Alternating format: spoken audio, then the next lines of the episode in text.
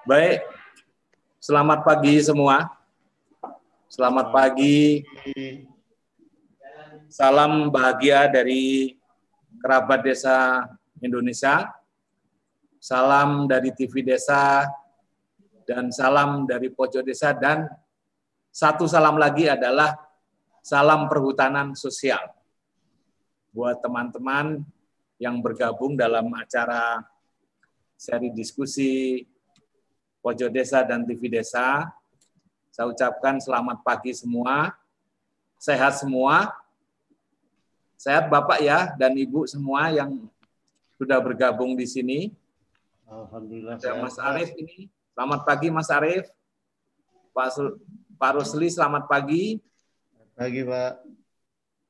Sembari kita menunggu narasumber bergabung,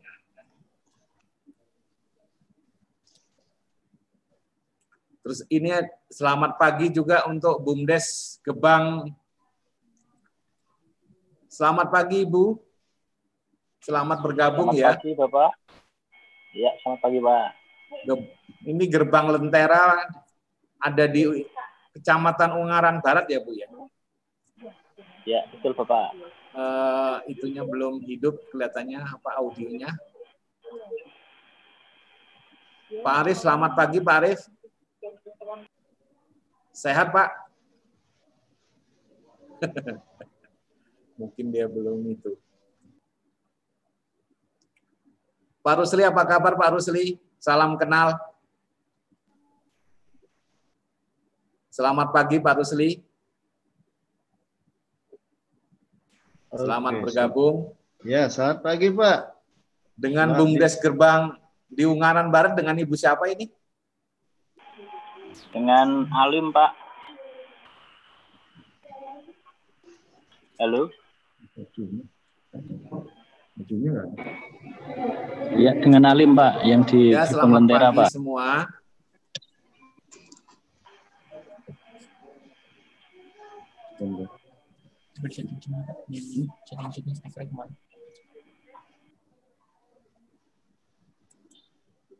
Hmm. Yang atas beberapa, yang atas, yang atas. Belum. Hmm. Coba. Selamat pagi. Sebari kita tes audio dulu. Selamat pagi ya. Ya, selamat pagi. Sudah mulai connecting.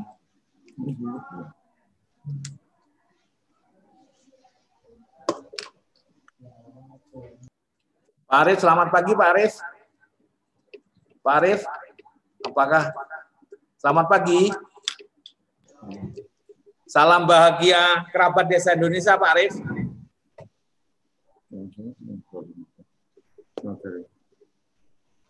Pak Arif.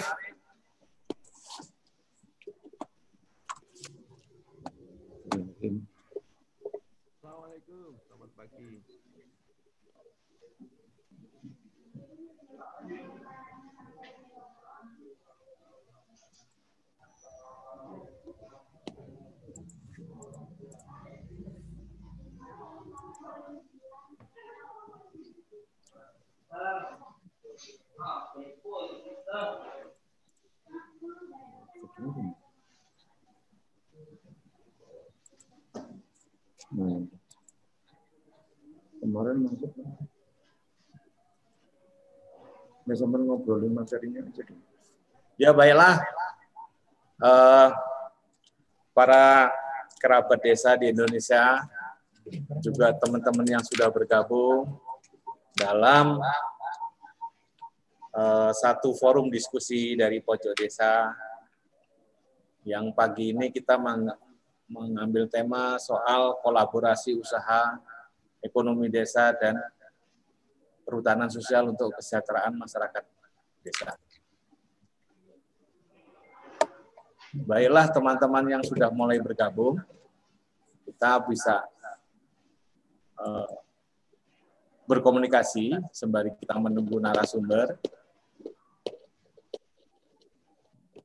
Sembari kita menunggu narasumber yang bergabung nanti, yang mungkin bisa saya uh, infokan bahwa nanti ada Pak Herudoyo Ciptono. Beliau adalah Direktur uh, Badan Usaha Perhutanan Sosial dan Hutan Adat dari Direktorat PSKL Kementerian Lingkungan Hidup dan Kehutanan. Juga ada Pak Nugroho Satyo Nagoro, Direktur uh, PUET atau Pengembangan Usaha Ekonomi Desa, Direktorat PPMD, Kementerian Desa. Nanti bergabung juga Bapak Risa Damani, staf khusus dari dari Menteri Koperasi dan UKMM dan satu lagi adalah Pak Bambang Waluyanto. Beliau tenaga ahli di bidang pengembangan inovasi desa dan lokal ekonomi desa.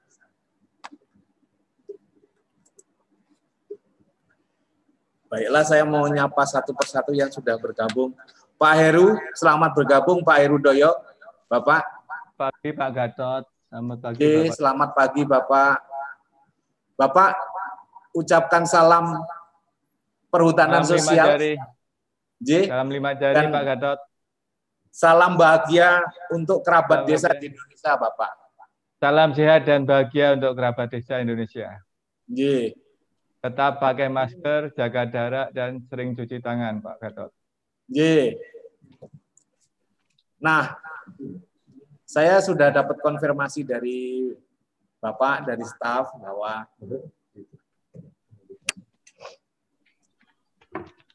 Pak Herudoyo ada kegiatan di siang nanti. Mungkin nanti Bapak bisa memulai yang paling pertama sebagai narasumber ya Pak Heru, ya Pak Herudoyo ya. Ya Pak Gatot. Nah, mungkin nanti juga bergabung Pak Nugroho Satyo Nagoro, Direktur Pengembangan eh, Usaha Ekonomi Desa dari PPMD Kementerian Desa. Ini mungkin kolaborasinya bisa di- dilakukan di sana nanti Pak gitu. Antara dari Pak Herudoyo eh, di urusan perhutanan sosial terutama pasca SK. Jadi buat teman-teman yang bergabung mungkin Pak Heru nanti banyak eh, bisa ditanyakan dan eh, seperti apa karena beliau nantinya mengurusi untuk usaha-usaha di dalam perhutanan sosial tentunya pasca setelah diberikannya SK perhutanan sosial. Nanti dibentuk KUPS KUPS. Nah, dari sanalah urusannya sudah ada di tangan Pak Herudoyo semua gitu.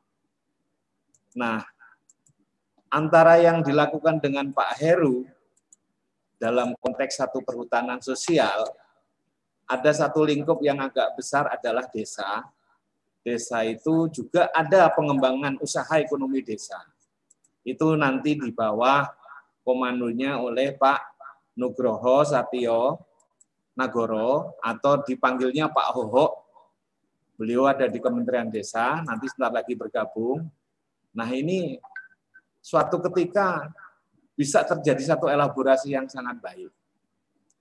Termasuk juga nanti ada Pak Riza Damane, staf khusus dari Menteri Koperasi dan UKMM, yang tentunya juga ada satu concern yang dilakukan sama Pak Riza melalui Kementerian Koperasi.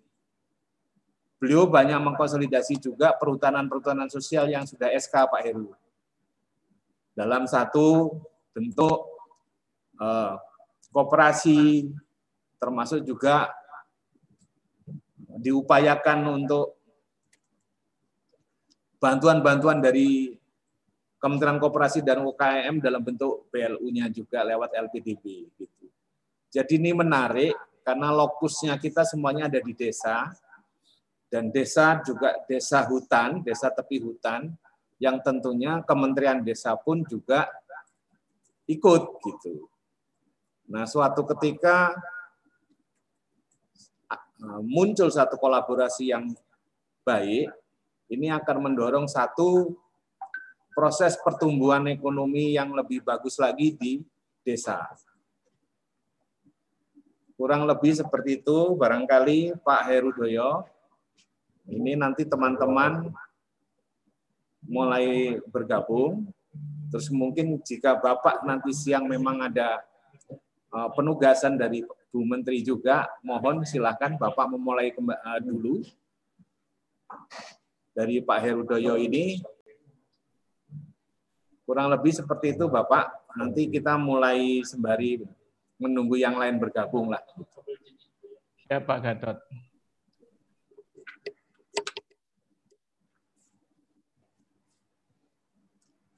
Monggo Pak Herudoyo. Ya, apakah saya bisa juga membuat kayak Zoom meeting biasa share screen itu Pak Gatot? Boleh, boleh Pak. Dikirimkan bisa. Saya eh, atau, Atau saya langsung langsung ya, juga langsung bisa, aja ya. saya ya. Ya, makasih Pak Gatot. Eh, Pak Gatot, eh, Bapak dan Ibu eh, eh, warga desa ya mungkin atau anggota BUMDes. Assalamualaikum warahmatullahi wabarakatuh. Selamat pagi, salam sejahtera untuk kita semua. Juga pemirsa TV Desa ini dari Pak Gatot. Eh, saya pertama perlu menyampaikan apresiasi dan terima kasih kepada Pak Gatot sebagai Bapak Lurah ya, Lurah Pojok Desa yang telah eh, telah eh, mengundang kami dari Direktorat Jenderal PSKL untuk menyampaikan beberapa hal yang terkait dengan pengembangan usaha terutama pasca izinnya. Yang tentu saja sesuai dengan arahnya Bapak Presiden bagaimana membuat izin perusahaan sosial itu memberi manfaat bagi masyarakat. Bukan sekedar izin dan akhirnya tidak dimanfaatkan tidak memberi manfaat Nah, bagaimana izin itu menjadi izin yang produktif, memberikan kesejahteraan, juga sembari menjaga hutan untuk tetap lestari karena apa pun hutan itu memberi manfaat yang eh, tidak terkira yang mungkin baru eh, belum banyak yang kita mengetahuinya. Saya mau izin Pak Gatot, Bapak Ibu sekalian untuk men-share screen beberapa tayangan saya nanti sebagai bagian dari yang bisa kita diskusikan ataupun eh, kita apa Pak saya coba memberikan uh, judul dari itu saya bagaimana perhutanan sosial meningkatkan uh, kesejahteraan masyarakat itu. Uh, ini gambar-gambar di bawah ini adalah gambar-gambar kegiatan di perhutanan sosial, bagaimana kita melakukan kegiatan penanaman jati, sembari juga ada padi di belakangnya, kegiatan wisata alam, kegiatan pengolahan dan produk madu itu sudah banyak juga dilakukan oleh teman-teman uh, masyarakat perhutanan sosial ini. Nah, kenapa saya sangat senang? Karena kami juga concern terhadap uh, bagaimana upaya meningkatkan kesejahteraan masyarakat di dalam sekitar hutan. Dari catatan kami, ada sekitar 25.863 desa yang berada di sekitar di dalam dan sekitar hutan. Dan dari desa-desa itu, maka jumlah penduduk miskin kurang lebih 10,2 juta atau 36 persen dari total miskin di Indonesia. Oleh karena itu, ini perlu menjadi perhatian kita bersama dan penguatan di desa akan tidak jadi urbanisasi ke kota sehingga orang bekerja di desa, orang mendapat hasil di desa. Dan ini sangat menjadi harapan kita bersama sembari hutannya yang lebih baik.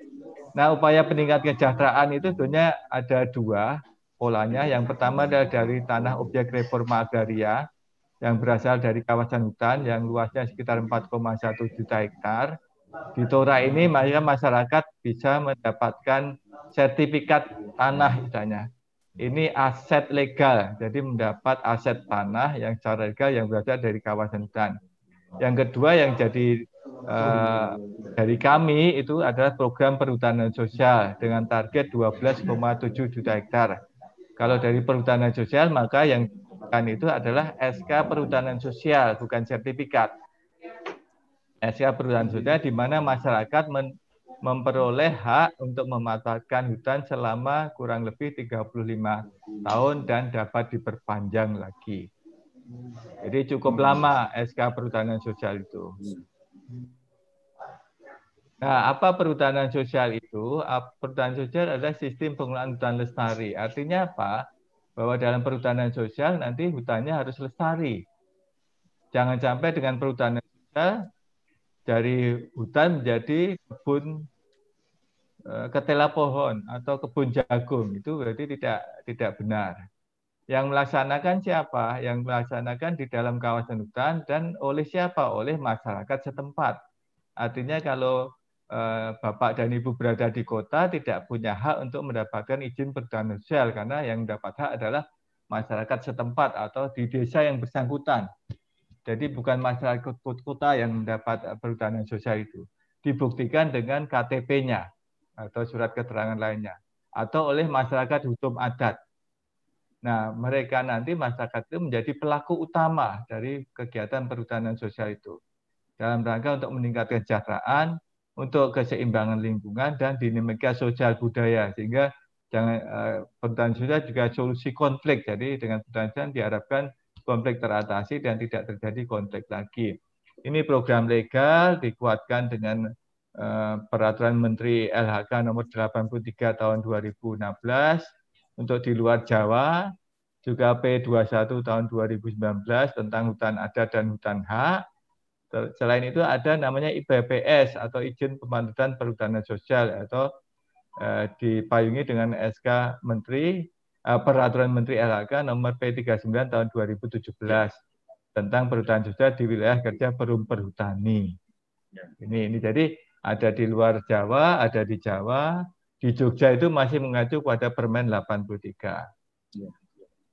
Nah, ini capaiannya Bapak dan Ibu sekalian, realisasi per tanggal 24 Juni 2020, maka perhutanan sosial itu sudah mencakup area seluas 4,19 juta hektar. Mungkin sekarang sudah nambah lagi.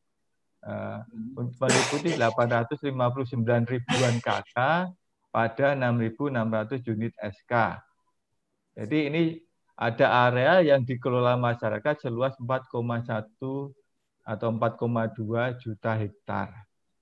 Dan di sebelah kanan ini adalah uh, realisasi dan alokasinya umum Aceh 466 baru terrealisasi 208. Berarti ada area yang dicadangkan lagi yang masih sekitar 200-an uh, ribu hektar. Jadi ini alokasi yang ini semua ada di kanan ini ini untuk alokasi per masing-masing. Dan kita sudah mengalokasikan dari target 12,7 juta hektar, sebetulnya sudah 13,9 juta hektar. Jadi sebetulnya sudah tercapai perhutanan sosial itu, tapi pendistribusiannya harus sangat hati-hati supaya tepat sasaran eh, dan tidak menimbulkan kerusakan hutan. Nah, bagaimana perhutanan sosial dipandang? Suksesnya perhutanan sosial itu diwujudkan dalam rangka terjadi kooperasi atau BUMDes, makanya kami sangat terkait dengan teman-teman UKM, Pak Gatot dan Bapak Ibu sekalian. Pengelolaan hutan itu harus lestari, bagaimana meningkatkan tutupan lahan dan usahanya harus berkembang. Seperti tadi saya bilang, jangan sampai hanya tanam pohon, tapi tidak jelas itu mau diapakan. Ya. Itu supaya peningkatan penurunan permisi Nah, eh, mohon maaf, Nah, bagaimana kalau perhutanan sosial berhasil? Makanya hutannya lestari tadi saya ini mungkin nggak usah. Nah, ini perlu pengembangan usaha. Nah, dalam pengembangan usaha itu bisa semua pihak kayak BUMDes, dana desa maupun pihak swasta lainnya bisa berkolaborasi, bekerja sama, bersinergi dengan masyarakat pemegang izin perhutanan sosial. Kalau tidak ada pengembangan nggak mungkin terjadi namanya aspek ekonomi, aspek hutan lestari, aspek sosial itu tidak akan terjadi. Nah, kita harapkan nanti kelompok-kelompok itu menjadi kelompok yang platinum yang dicirikan dengan pemasaran produknya sudah sampai tingkat nasional maupun ekspor. Arahnya gitu. Semua sekali lagi harus ada kegiatan pengembangan usaha dan dalam pengembangan usaha bisa berkolaborasi dengan lain. Nah, pola yang dikembangkan di perhutanan sosial ada sistemnya wanatani agro agroforestry supaya masyarakat juga tetap dapat memenuhi kebutuhannya. Jangan sampai hutan itu hanya isinya kayu semua, tidak ada isi pangan untuk yang hutan produksi atau ya. tanam buah-buahan untuk hutan yang uh, lindung. Nah, juga ada silvopastura atau warna ternak, hutan dan ternak. Ada silvopastura atau warna ikan, warna mina. Ada juga jasa lingkungan wisata alam. Jadi di hutan bisa dikembangkan eh, hal-hal seperti itu. Yang arahnya untuk mengurangi kemiskinan, mengurangi pengangguran, mengurangi konflik sosial maupun untuk pengelolaan hutan secara lestari. Nah, ini sudah ada 6.900 kelompok tadi disebutkan Pak Gatot kelompok usaha perhutanan sosial itu merupakan entitas bisnis dari kelompok perhutanan sosial. Dan ini ini coba lihat ada agrobesi 28,8 persen, kelompok KUPS buah-buahan 12,9 persen, wisata alam 10,5 persen, kayu-kayuan 9,3, kopi 3, tanaman pangan 68 persen, madu 3,9 persen, 3 persen, kayu putih 0, dan rempah-rempah 17,3 persen. Ini bisa menjadi menjadi peluang kerjasama para bumdes maupun uh, pemerintah desa. Jadi setelah itu legal, kalau dulu mungkin desa tidak bisa masuk hutan, tapi dengan adanya kelompok perhutanan sosial atau uh, pemegang izin, desa bisa kerjasama dengan pemegang izin yang notabene juga masyarakat desa itu. Nah itu. Nah ini potensi komoditinya, Bapak dan Ibu sekalian, eh, ada alpukat, potensi luasnya 3.600, ada semua di sini. Terus juga eh, bagaimana kita, lah ini bisnis proses pengembangan usaha dan sosial, mulai dari kita menguatkan kelembagaan, bagaimana organisasi dikuatkan, ada pendampingan, ini mutlak Pak Batot, Bapak Ibu, pendampingan itu, pelatihan dan cara pelaksana untuk organisasi, bagaimana membuat penyusun rencana, menguatkan dalam rangka penguatan kelembagaan, mengelola hutan, mengembangkan usaha, bagaimana peningkatan aset produksinya, mulai on farm dan off farm, dan bagaimana meningkatkan pemasaran dan kewirausahaannya mulai dari modal usaha, promosi, kerjasama, branding, packaging, dan pemasaran sendiri. Terus tantangannya apa? Ada tantangan masyarakat ini, aspek masyarakat itu pola hidup subsisten dengan cara yang tradisional sehingga kemudian diatur sebagai objek bukan objek pembangunan dan orientasi bisnisnya rendah. Makanya kita mengarah supaya bagaimana pengelolaan dan dan timbul social entrepreneur di desa-desa itu. Juga hmm. peluang kerjasama dengan BUMDes dan Mas. Ada keterlibatan kelompok dalam aset informasi, aset pengetahuan, aset infrastruktur, aset modern, eh, kewirausahaan atau aset pasar. Ya. Ini juga menjadi peluang dari uh, apa dari BUMDes untuk ikut uh, masuk di dalam ini. Juga keterlibatan penyediaan produk mulai dari kuantitas yang cukup, kualitas yang memadai, dan kontinuitas yang terjamin. Ini biasanya diminta oleh perusahaan-perusahaan besar dan kelompok tidak kuat. Makanya perlu ada kerjasama dalam membangun jaring, juga kluster produk, mendampingan, pelatihan, fasilitas pas, dan kerjasama terukur untuk mengkonten produk penggunaan teknologi dan fasilitas aset produksi. Nah, peluang sedikit dalam pembangunan desa dan masyarakat apa? Tujuan PS selaras dengan tujuan pembangunan desa potensi area LPS yang 4,2 juta hektar. Sehingga dilakukan sejak perencanaan. Jadi mulai menyusun rencana itu BUMDes bisa masuk, eh, pemerintah desa bisa masuk. Peluang kerjasama di kelompok usaha sosial dan juga dukungan fasilitas dari pemerintah. Jadi kami tetap juga mendukung kelompok-kelompok perhutanan sosial itu. Ya, nah, ya. bentuknya apa? Bisa dalam perencanaan, aspek perencanaan mulai pengelolaan, pemanfaatan hutannya, pengembangan usahanya, kerjasama melalui kerjasama investasi atau sebagai optaker penampung produk, pembangunan sarpras, sarana produksi dan pemasaran, jalan wisata, jalan produksi, koordinasi konsultasi, pengurusan izin maupun sertifikasi produk. Nah, juga kami sudah melakukan koordinasi tentunya Pak Gatot, Bapak Ibu sekalian dengan Kemendagri, sudah ada surat Mendagri kepada gubernur dan kepada bupati untuk mendukung pasca izin, dengan kemudian KUKM untuk kooperasi, pasca modal, kami juga sudah dengan Pak Rizal Jamane kaitannya dengan ya. bagaimana masyarakat berproduksi, petani negara membeli, juga saat ini ada BLT, BLT produktif. Kami usulkan kelompok-kelompok yang sudah eh, kelasnya Gold dan Platinum untuk mendapatkan BLT produktif. Dengan Kementan kita minta subsidi Baprodi dan penugasan maupun perusahaan sebagai optaker. Dengan Kemendes lewat dana desa uh, Revitite Plaza, Jalan Desa, BUMDes sebagai optaker ini. Ya. Kami BUMN ada surat daripada Perhutani dan uh, kurnya, kur sudah masuk di uh, Perhutani Sosial, CSR, investor maupun optaker dan Kemendak dan Provinsi Sudut dan pelajar dalam negeri dan luar negeri. Ini beberapa profil yang sudah maju, cukup maju Pak Pak Anu ya di Senduro, Burno, Murda, Iya. mereka melihat rumput gajah, ada ternaknya, ada produksi 5.172 liter eh, apa susu, Ya. Nah, juga rumput ada ikat rumput, ada juga ini kerjasama Kasihkon dengan perhutani, optekernya, pisang kirana dengan John Pride, talas dengan Maxi, Maxi Indo dan susu dengan Nestle. Mereka juga membangun jejaring dengan masyarakat sekitarnya untuk me- memenuhi susu itu. Juga di Kali Biru Kulon Progo ada wisata alam dengan pendapatan yang cukup besar. Ya. Juga dengan di Padang Tikar eh, Ya. Kalimantan Barat, eh, Kepiting, Matubulo dan Briket Arang ini dimanfaatkan untuk memenuhi kebutuhan. Dan ini menjadi peluang-peluang bagi BUMDes untuk bekerja sama. Saya kira itu Pak Gatot. Terima kasih. Assalamualaikum warahmatullahi wabarakatuh. Waalaikumsalam warahmatullahi wabarakatuh. Terima kasih Pak Herudoyo. Ini eh, simple tapi menarik. Ini juga untuk teman ini untuk teman-teman yang dia ada di BUMDes ataupun di perhutanan sosial bisa eh, berkomunikasi bertanya eh, berbagai hambatan apa sebetulnya gitu kan ada satu tahapan-tahapan di dalam perhutanan sosial itu, misalnya dibentuklah KUPS KUPS, terus kemudian ada kendalanya apa sebelum sebelum dia nanti berproduksi.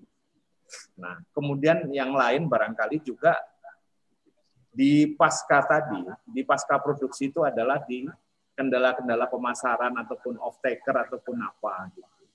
Mungkin salah satu eh, bangunan kolaborasi yang harus di jangkau sampai di sana, terutama di sektor-sektor eh, pemasaran produk yang ada. Dulu. Saya masih ini.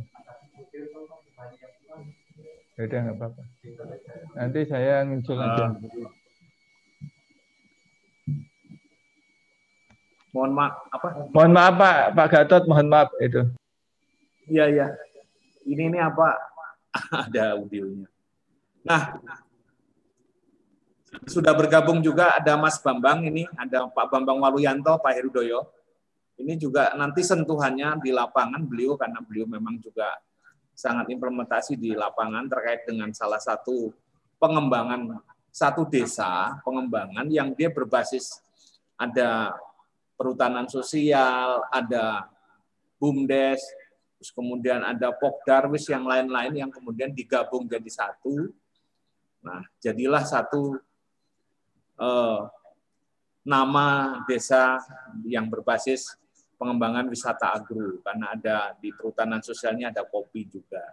Nah, nanti mungkin Pak Bambang juga bisa mengurai, tapi saya kasih kesempatan untuk teman-teman bertanya ke Pak Heru, ke Pak Heru Doyo karena Bapak ini saya dengar dari staf bahwa siang sudah bergabung sama Bu Menteri nanti, jadi nggak bisa sampai dua jam.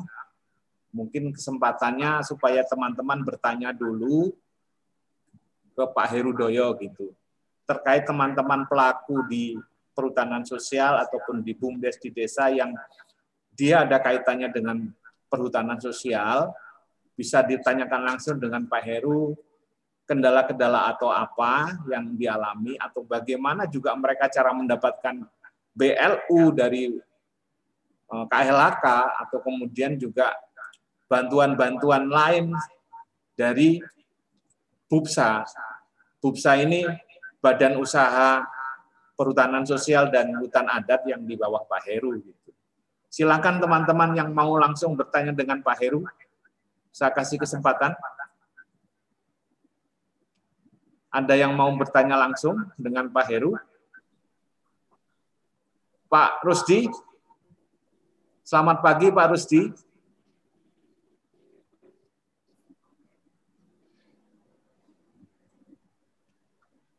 Ada Mas Arief mau bertanya ke Pak Herudoyo? Pak Arief?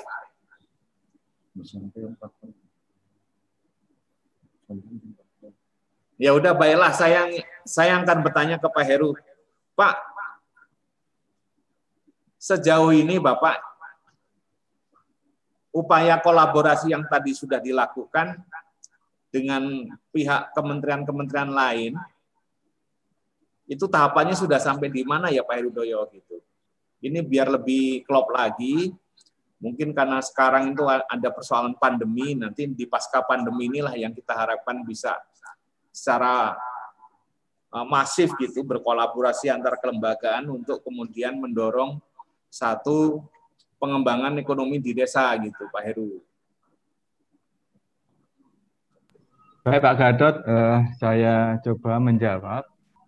Yang pertama dengan Kementerian Dalam Negeri Pak Gatot, kami sudah intent sehingga sangat berbahagia karena Pak Menteri Mendagri sudah juga bersurat kepada para gubernur dan bupati untuk eh, memberikan dukungan pada kegiatan pasca izin antara lain mendorong uh, aktivitas Pokja. Jadi setiap provinsi di Indonesia itu ada namanya Pokja Perhutanan Sosial.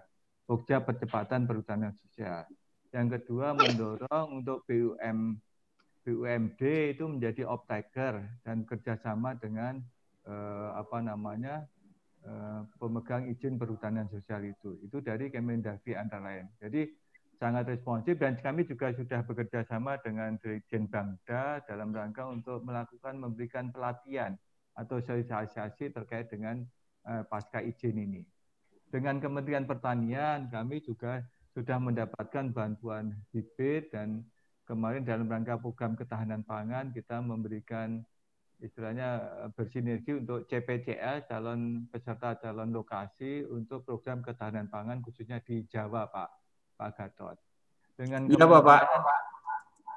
Ya, juga kami mendapat bantuan Eh, buah-buahan untuk membangun kebun buah seluas 10 hektar kebun durian, khusus durian Pak Gatot di dalam uh, kelompok pertahanan sosial itu di daerah Pemalang. Kami mendapat bantuan dari Kementerian Pertanian, Dirjen Hortikultura untuk membangun kebun buah. Dengan Kementerian UKM ini lebih uh, lebih uh, banyak lagi Pak Gatot. Selain ya. kami juga melakukan pelatihan pelatihan untuk pembentukan koperasi yang di Eh, ya. dilakukan oleh Kementerian KUKM, kami juga mendapatkan rencananya itu tadi sampaikan BLT produktif. Dan juga hmm. saat ini kami sedang mencoba bersama-sama me merancang program padat karya pangan misalnya dengan Kementerian UKM. Bagaimana ya, ya, ya. dengan KUKM itu mendukung hutan sosial untuk produksi pangan. Dengan Kementerian Desa kami juga sudah beberapa kali ketemu dan kami eh, sudah memberikan data 100 desa Pak Gatot yang bisa yeah, yeah, di, yeah. Dibina oleh Kementerian Desa dalam rangka untuk mengembangkan bagaimana dengan perhutanan sosial itu masyarakat desa lebih sejahtera Pak Gatot. Ya. Jadi ini ada area lahan yang bisa dimanfaatkan oleh eh, desa maupun kerjasama dengan BUMDes. Modal ya. selalu jadi masalah Pak Gatot. Modal, makanya BUMDes punya modal bisa kerjasama.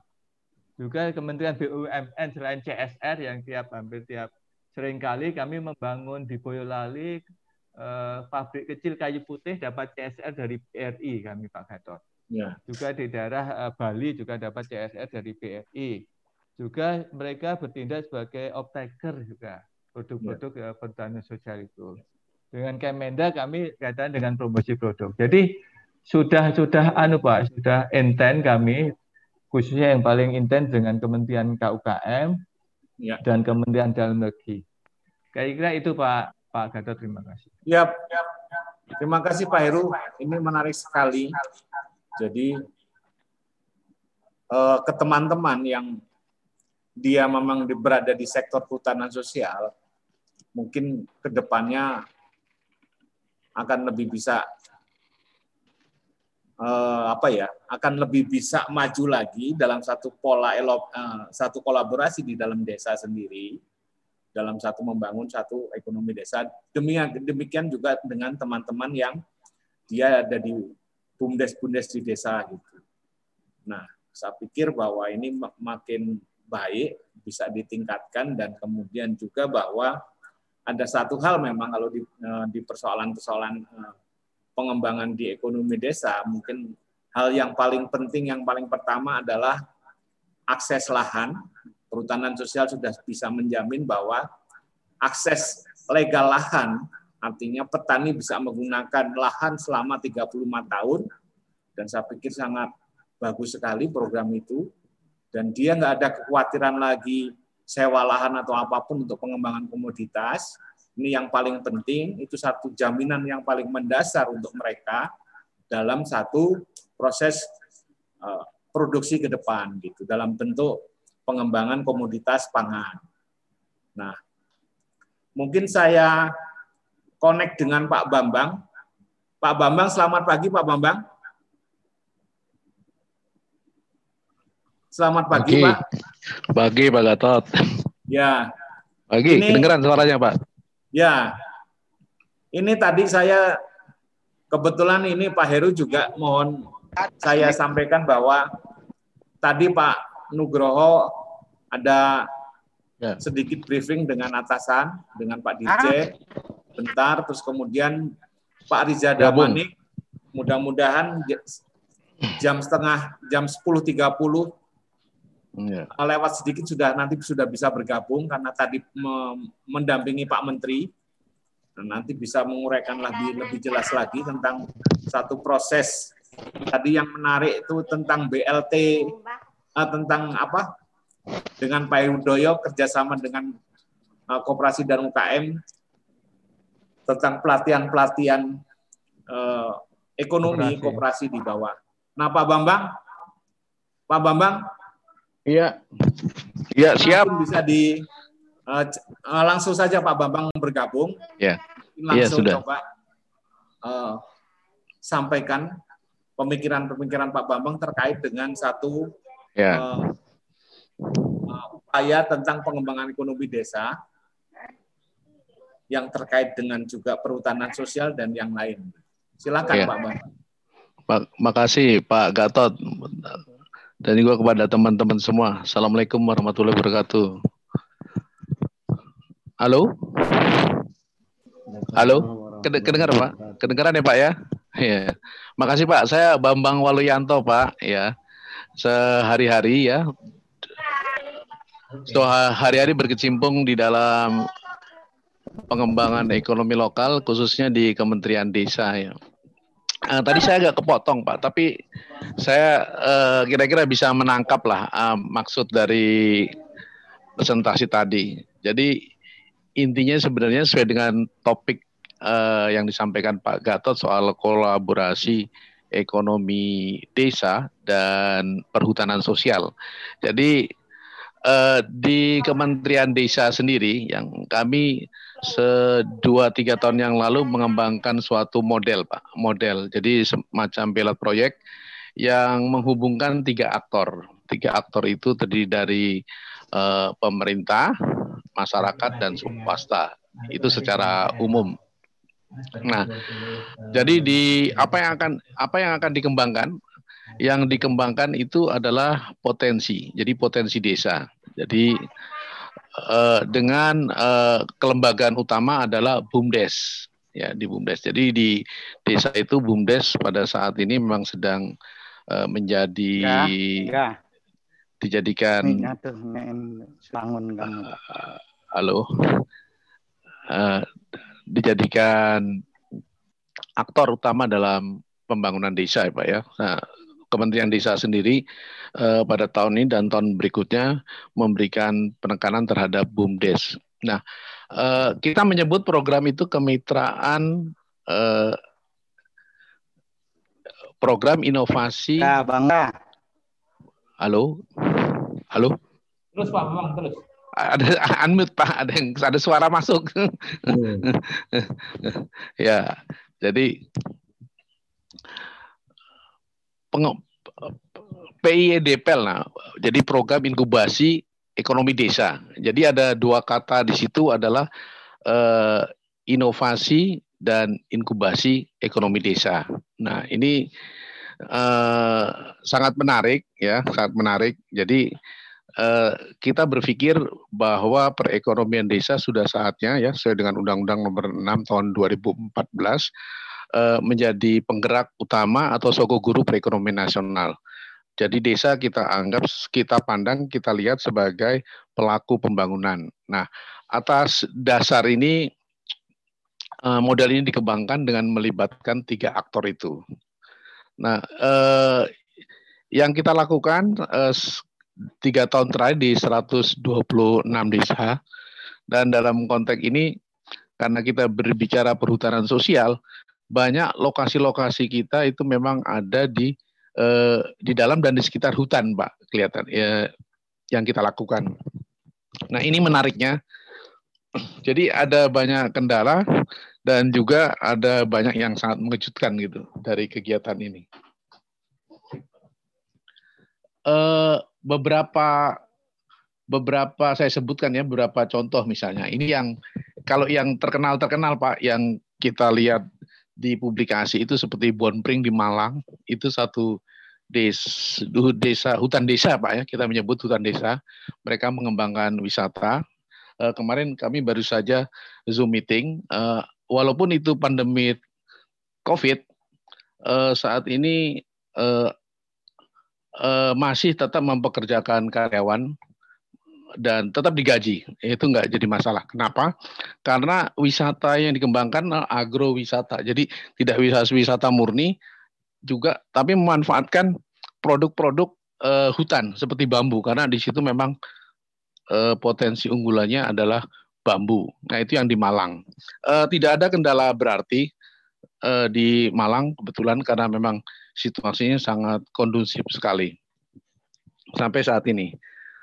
Uh, yang kedua contohnya adalah di Harau. Nih Harau ini sangat menarik. Dia di 50 koto di Sumatera Barat.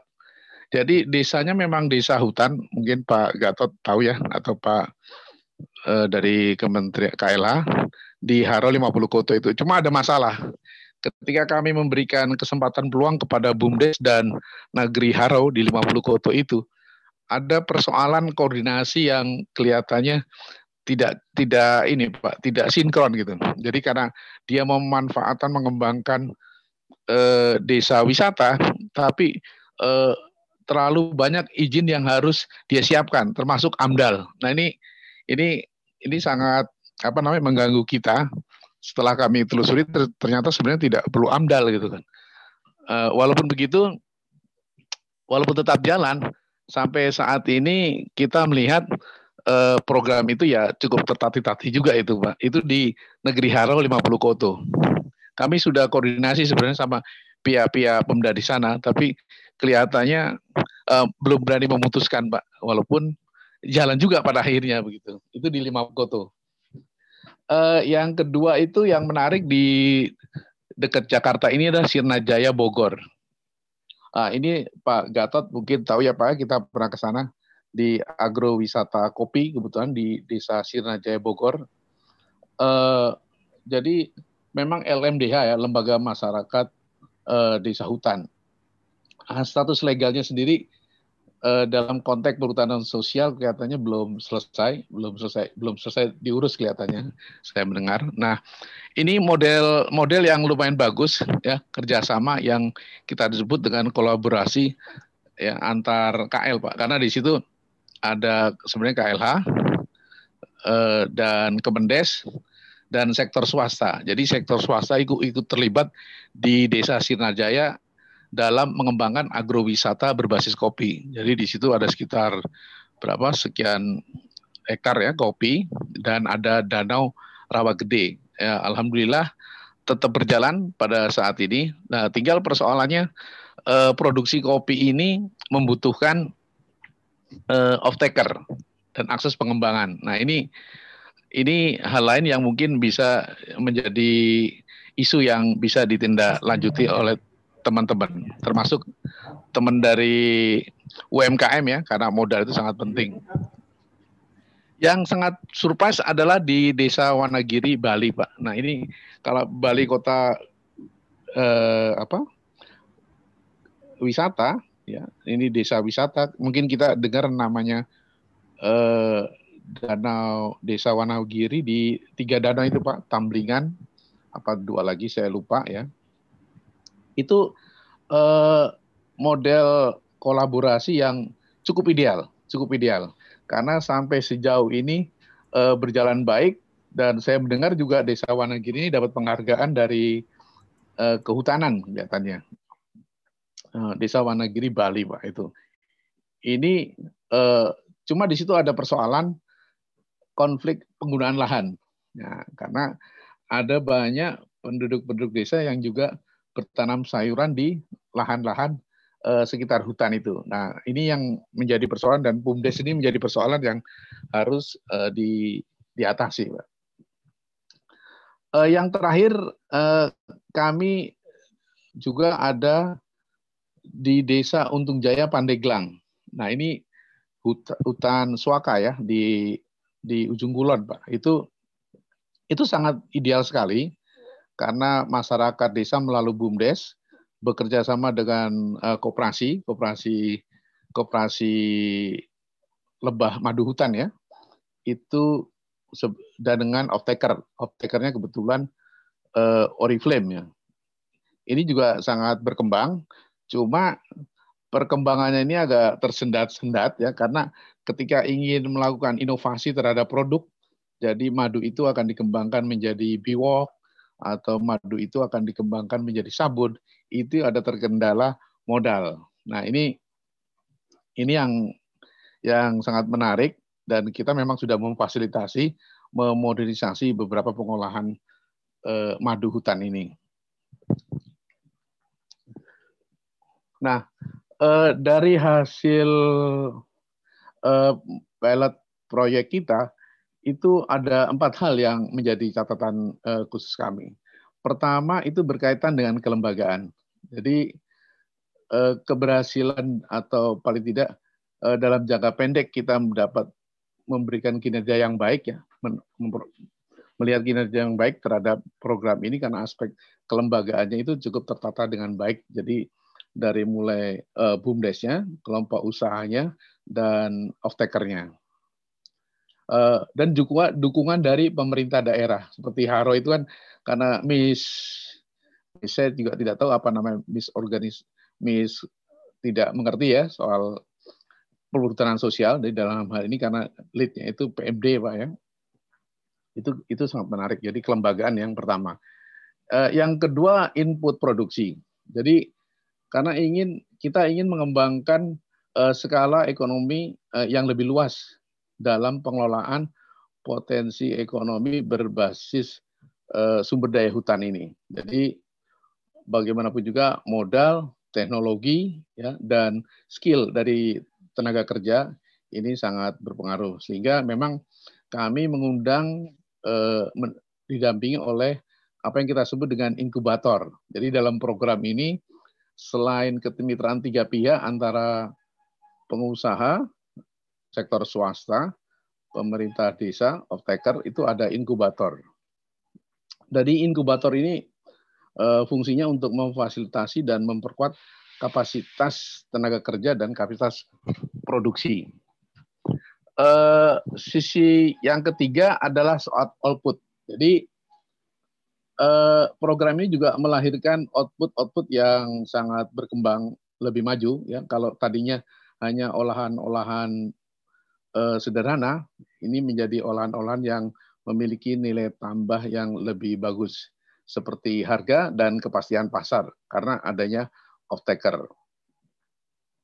Uh, terakhir adalah dampak eh, atau benefit ya dalam kita tahun 2019 akhir memang Eh, program itu belum kita rasakan dampaknya. Tapi selama COVID ini itu bagaimanapun juga pelan-pelan kita bisa melihat dampak, terutama untuk desa-desa seperti di Sukaraja Pak ya. Jadi di Sukaraja di di Sukabumi ya kan itu produksi jamur ya itu dalam era COVID ini mereka tetap eh, apa namanya eh, pasar pasar itu tetap tetap terjamin. Harga juga terjamin. Karena mungkin karena itu eh, produk-produk dari eh, sektor kesehatannya begitu juga madu ya. Madu itu juga eh, saat ini sedang langka di ujung kulon dan baru bulan September Oktober nanti akan panen. Jadi COVID ini memang pada satu sisi memang kelihatannya memberikan sumbangan untuk resesi, tapi pada sisi lain dalam perekonomian desa ini sebenarnya uh, menjadi penyangga dan bahkan memberikan uh, manfaat ya bagi masyarakat desa. Nah, itu itu dampak ya, dampak dampak yang dirasakan oleh eh, teman-teman yang mengembangkan model PIDPL ini di desa. Nah, eh, selanjutnya ya karena PIDPL itu model dan hanya pilot project ini sudah berakhir, eh, kami meletakkan dasar-dasar kemitraan itu dan kapasitas sumber daya manusia yang cukup lah untuk berkembang selanjutnya. Jadi ada banyak pekerjaan yang bisa dilakukan. Nah, sangat menarik ide inisiasi dari Pak Gatot ini kalau kolaborasi berarti kolaborasi di antara KL itu yang pertama. Jadi kalau misalnya UMKM bisa menyediakan fasilitasi permodalan itu uh, tentu uh, Kemendes untuk pengembangan desa-desa hutan ini sangat uh, sangat terbuka pasti. Yang kedua kolaborasi tentu uh, dalam hal ini pemerintah bisa menjadi fasilitasi kolaborasi dengan pihak swasta. Jadi banyak off taker off taker yang memang uh, bisa uh, digandeng untuk melibatkan kegiatan ekonomi produktif di desa-desa hutan ini. Nah, ini ini menjadi pekerjaan rumah tentunya dan perlu dibentuk suatu kolaborasi yang yang yang lebih ini ya, lebih apa namanya? lebih intensifnya lebih inilah, lebih apa namanya? lebih dalam ya pekerjaan yang sangat luar biasa. Eh, kira-kira itu Pak Gatot ya, eh, saya memberikan gambaran atas eh, model-model yang dikembangkan oleh Kementerian Desa dalam hal ini dalam mengembangkan ekonomi berbasis sumber daya hutan, khususnya memang di desa-desa hutan. Ya, jadi kita punya 126 desa BUMDes, hampir 30 atau 35 kelihatannya itu ada di sekitar hutan ya jadi walaupun hutan uh, kopi uh, pesisir juga ada ya itu dan lain sebagainya. Seperti di Aceh itu pesisir gitu. Uh, demikian yang bisa kita kami sampaikan Pak Gatot. Terima kasih. Ya Pak Bambang terima kasih banyak. Terima kasih Pak Bambang. Uh, ini ada satu yang menarik dari paparan Pak Bambang Walujanto Pak Herudoyo. Ini ada satu model tentang uh, PID LED ataupun model tentang pengembangan inovasi desa yang uh, berbicara persoalan pengembangan ekonomi desa. Uh, salah satunya adalah yang menarik tadi adalah ada inkubator gitu. Mungkin kalau di di perhutanan sosial itu mungkin wilayahnya sudah masuk di pasca SK barangkali. Karena dia nantinya dia menyangkut dari uh, kemampuan inkubator melakukan sebagai fasilitator, artinya ada ada satu proses pembangunan uh, sumber daya, ada satu proses juga yang disebut dari Pak Herudoyo tadi sebagai uh, uh, pengembangan sosial entrepreneur gitu dari dari masyarakat yang ada di sana gitu. Nah, yang lain tentunya adalah keorganisasian. Nah, kemudian kalau kita tarik yang sangat menarik tadi adalah bahwa sebetulnya kolaborasi yang diinginkan tadi sama Pak Bambang adalah kolaborasi antar kelembagaan ini bisa bisa berjalan atau bisa melakukan aksi bersama. Terus yang lain adalah kolaborasi yang menyangkut dengan off taker atau eh, pihak-pihak uh, kelompok swasta yang yang paling tidak dia mampu sebagai off taker atau mampu sebagai pembeli dari uh, produk-produk yang ada di desa. Nah, ini menarik ini, sangat menarik buat teman-teman bahwa tadi memang sudah jelas bahwa perhutanan sosial dia jelas satu program yang memperkuat basis ketahanan ekonomi di desa dan lingkungan hidup. Terus kemudian juga ada bumdes di desa yang bumdesnya pun mungkin berperan, dia mampu berperan atau dia mampu menjembatani berbagai sub di bawahnya, apakah itu ada perhutanan sosial, ada pokdarwis, ada yang lain-lain, dalam satu proses tentang pengembangan ekonomi di desa tadi. Nah, terakhir tadi pengalaman Pak Bambang Waluyanto di lapangan dengan satu model pengembangan lokal ekonomi desa tadi gitu. Ini sangat menarik Pak Heru. Saya mau nanya ke Pak Heru Doyo nih. Eh, di pasca SK tadi ada yang namanya inkubator. Kalau di Pak Bambang namanya inkubator. Mungkin apakah ini sama dengan di perhutanan sosial di pasca SK? Bagaimana dia satu fasilitator atau pendamping fasilitator yang mampu membangun sumber daya, juga membangun social entrepreneur yang ada gitu, Pak. Kira-kira sama nggak sih Pak Heru? Ya.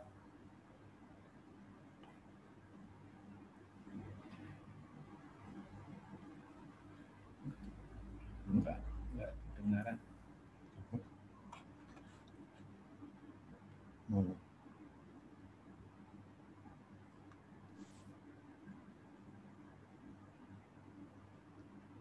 Ya. Ya Pak, coba Pak. Ya. Oke. Ya, Pak Pak eh, Pak Gatot terima kasih, Pak Bambang terima kasih pencerahannya juga. Jadi sebetulnya prinsipnya sama kami dengan Pak Bambang, Pak. Kalau kami nyebutnya itu 4P, Pak Bambang. Ya. Public, People, Private Partnership. Jadi kolaborasi antara publik itu adalah masyarakat, Ya. masyarakat atau kelompok tani hutan, pemegang izin perhutanan sosial, private-nya adalah mungkin bisa BUMDes atau swasta, dan publiknya adalah pemerintah daerah maupun pemerintah eh, pusat. Jadi Pak Heru, pemerintah Pak pusat, Heru sebentar Pak Heru. Ya. dulu, biar dulu. Halo. ya Pak, Ini ada Pak Riza sudah bergabung. Selamat pagi Pak Riza.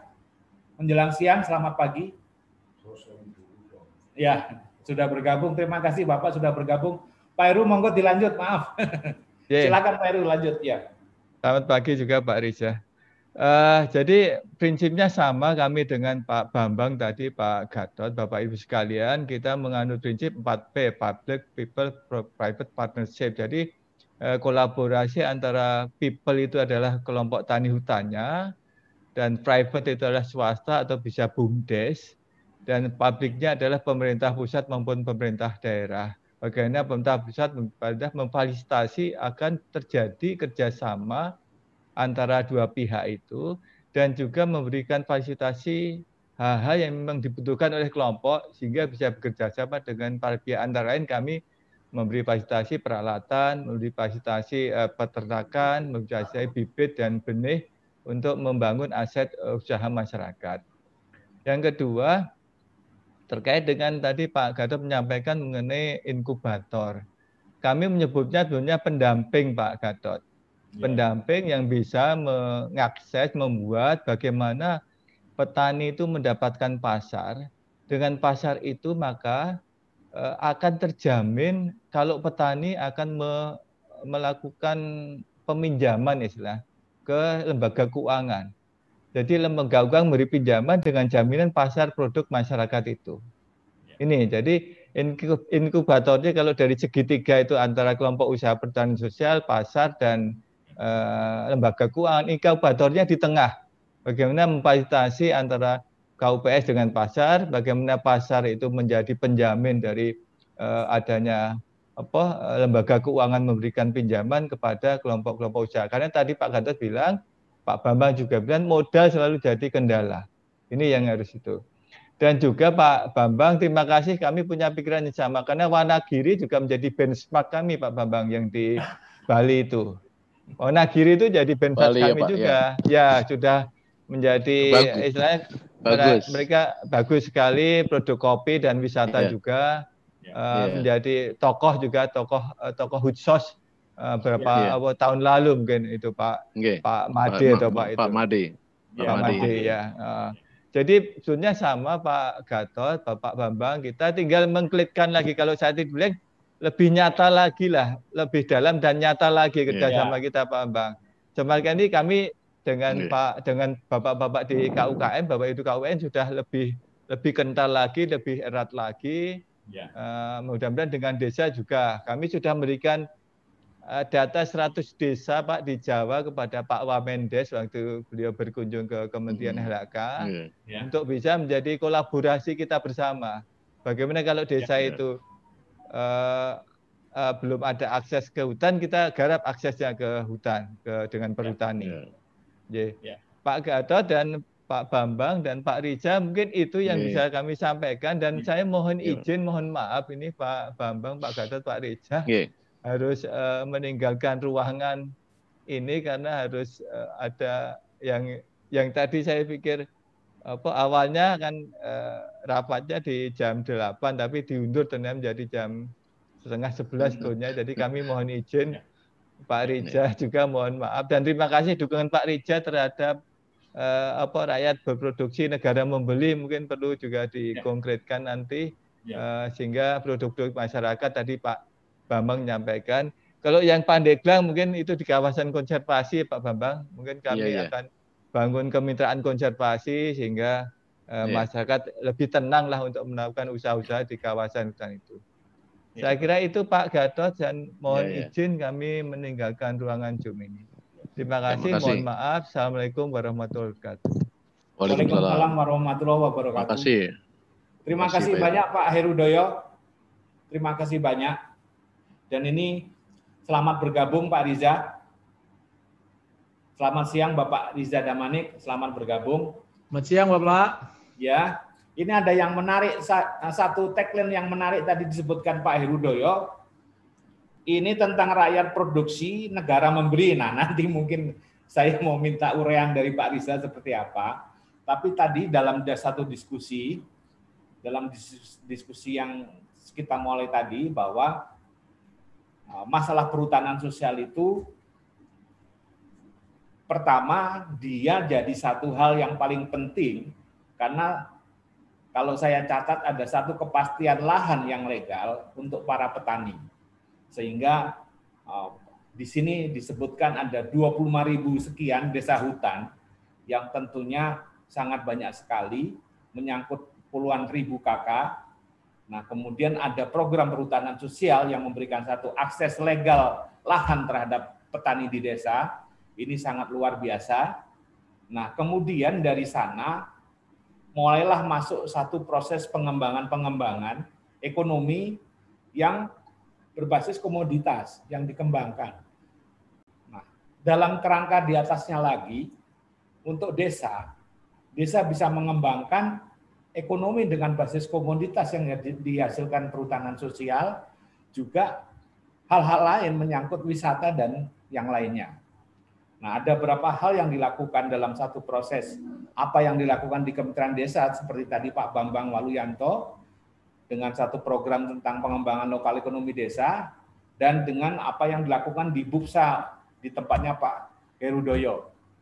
Nah, kami mau mendengar bagaimana perannya Pak Riza selama ini yang turun ke desa-desa, masuk ke desa, masuk ke perhutanan sosial, kemudian membangun koperasi, berbagai koperasi dengan satu tujuan tadi, bahwa ini loh negara hadir agar rakyat bisa ber- ber- eh, berproduksi, agar satu ekonomi bisa bangkit dari desa.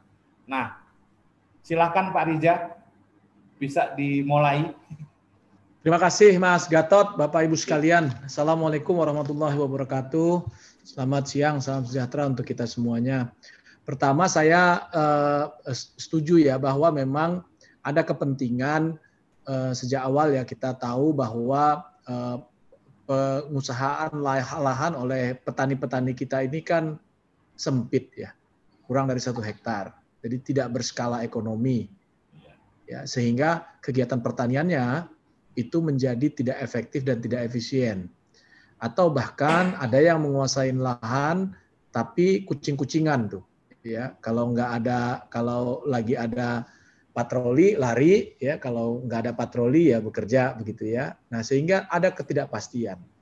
Nah, inisiatif dari eh, perhutanan sosial kan salah satunya memberikan kepastian akses terhadap lahan eh, yang tadi sudah disampaikan ya. Nah, eh, tapi tentunya tujuannya kan tidak sekedar membagi lahan. Ya, Bapak Presiden selalu mengatakan bahwa lahan yang diberikan itu harus memberikan manfaat ekonomi. Masa mereka yang tinggal di hutan justru menjadi pusat atau di sekitar hutan menjadi pusat eh, apa eh, kemiskinan itu kan menjadi tidak tidak tepat gitu ya. Ya justru kita ingin mereka yang tinggal dekat dengan sumber daya alam, dekat dengan uh, hutan gitu ya, atau berada di sekitar hutan, baik itu hutan uh, apa uh, termasuk hutan pantai, kita berharap ini bisa lebih baik ekonominya, bisa lebih uh, sejahtera. Nah maka oleh sebab itu uh, pekerjaannya tidak uh, tidak tidak tidak berhenti uh, dengan uh, uh, distribusi lahannya, ya tapi juga harus uh, dimaksudkan uh, bisa memberikan daya ungkit secara ekonomi kepada masyarakatnya. Nah, inilah saya kira pertemuan uh, yang pernah saya ikuti beberapa bulan lalu antara Pak Menteri Koperasi dengan Ibu Menteri LHK ya di uh, Kementerian Lingkungan Hidup, di mana Ibu Menteri pada saat itu secara simbolik menyampaikan dan menyerahkan ya lebih kurang sekitar 4 juta hektar lahan dari 12 juta hektar lahan perhutanan sosial itu uh, untuk uh, diperkuat uh, apa uh, uh, apa namanya usaha-usaha uh, ekonomi rakyat ya atau penerima dari perhutanan sosial tadi. Ya. Nah, jadi uh, satu sisi proses legalisasinya ada di uh, Kementerian Lingkungan Hidup.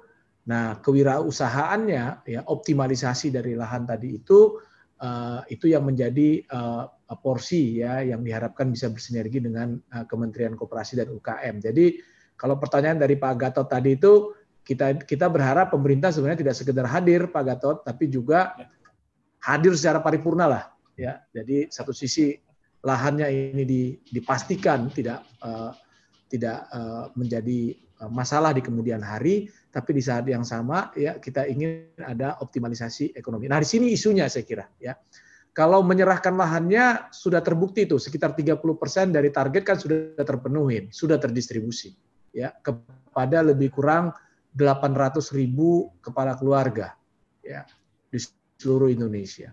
Nah, tantangan kita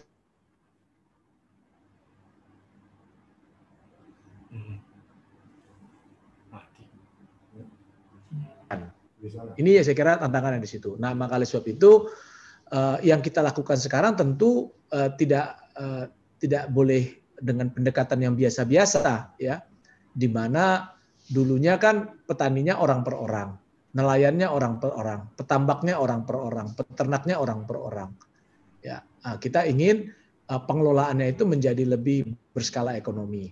Dengan apa payungnya? Kita mendorong dengan koperasi ya kami uh, dengan Kementerian Lingkungan Hidup uh, ya Pak sekitar mungkin ada satu atau dua minggu yang lalu ya ada pertemuan antara Pak Menteri dengan Ibu Menteri uh, kebetulan saya uh, ikut mendampingi di antaranya adalah mematangkan proses kolaborasi penguatan kooperasi-kooperasi pangan di lahan-lahan perhutanan sosial.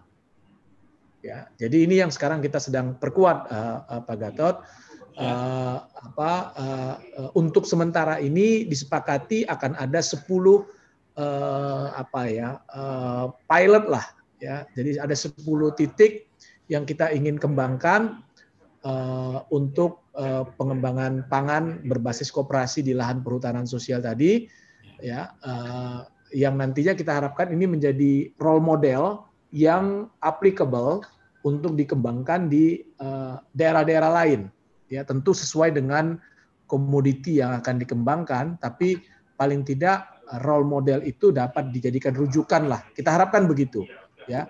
Nah, eh, karena kita tahu pengelolaan lahan pangan di uh, perhutanan sosial ini kan tidak bisa satu dua kementerian melibatkan banyak kementerian di sana ya kementerian lembaga aspeknya harus hulu hilir ya aspek hulu hilir itu apa saja di hulu tentunya ada kaitannya dengan legalisasinya tadi sudah selesai di hulu juga masih ada urusannya dengan penguatan produksinya.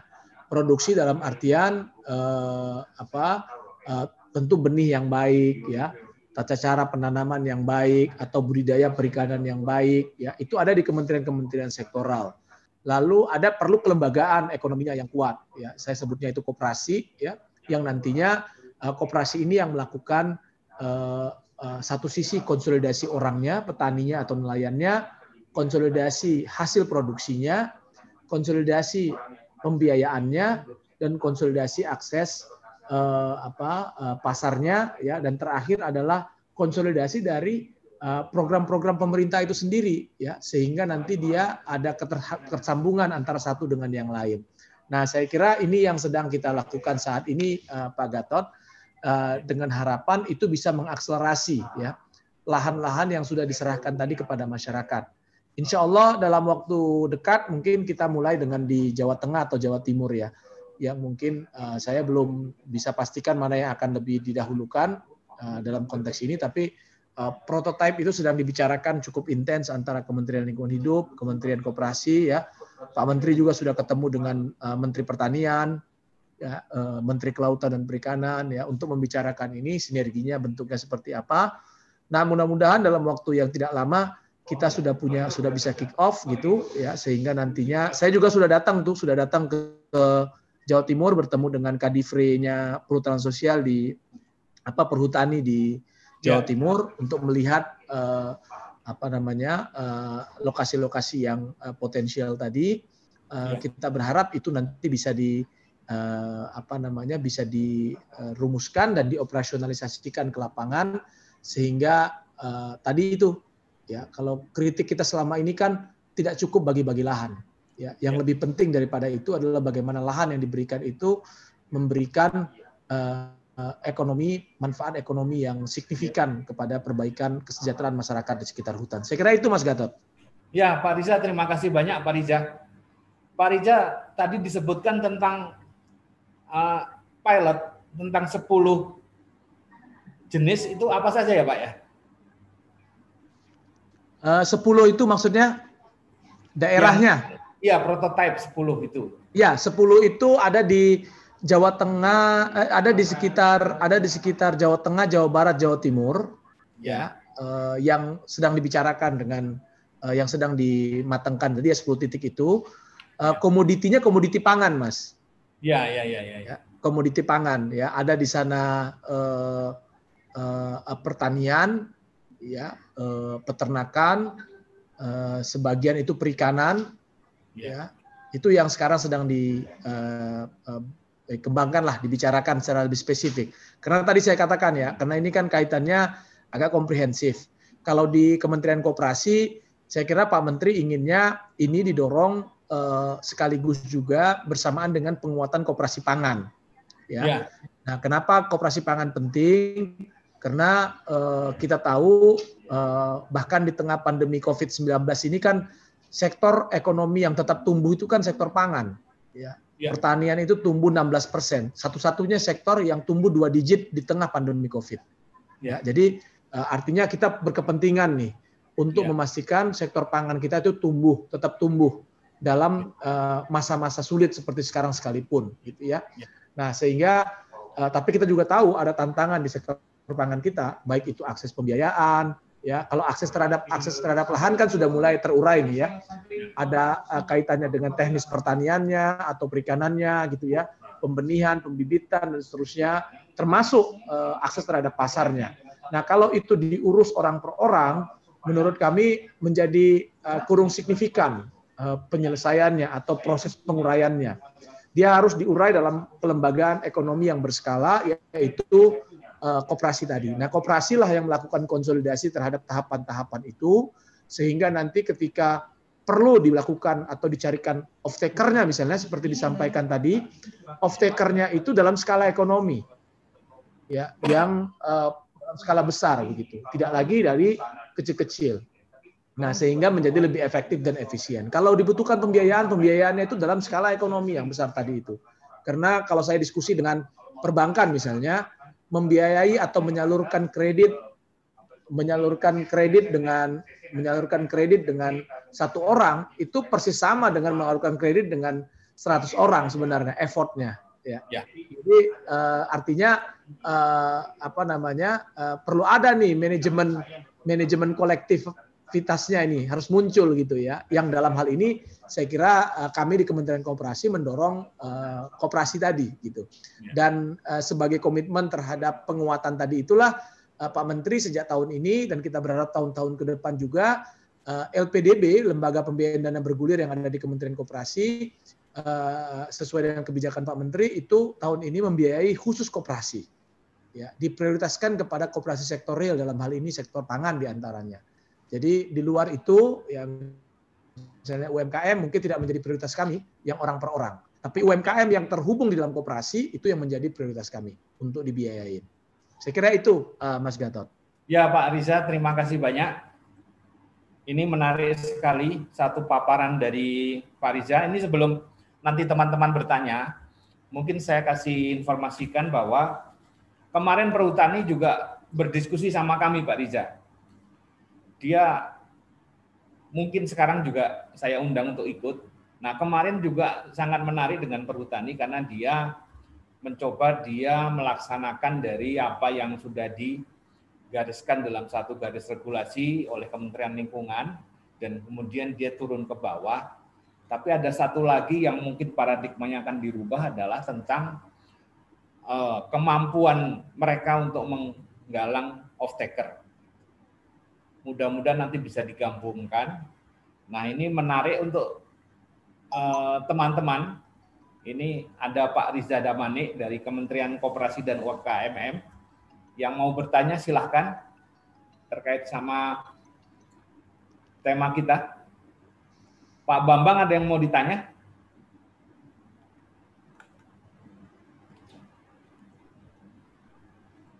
Pak Arief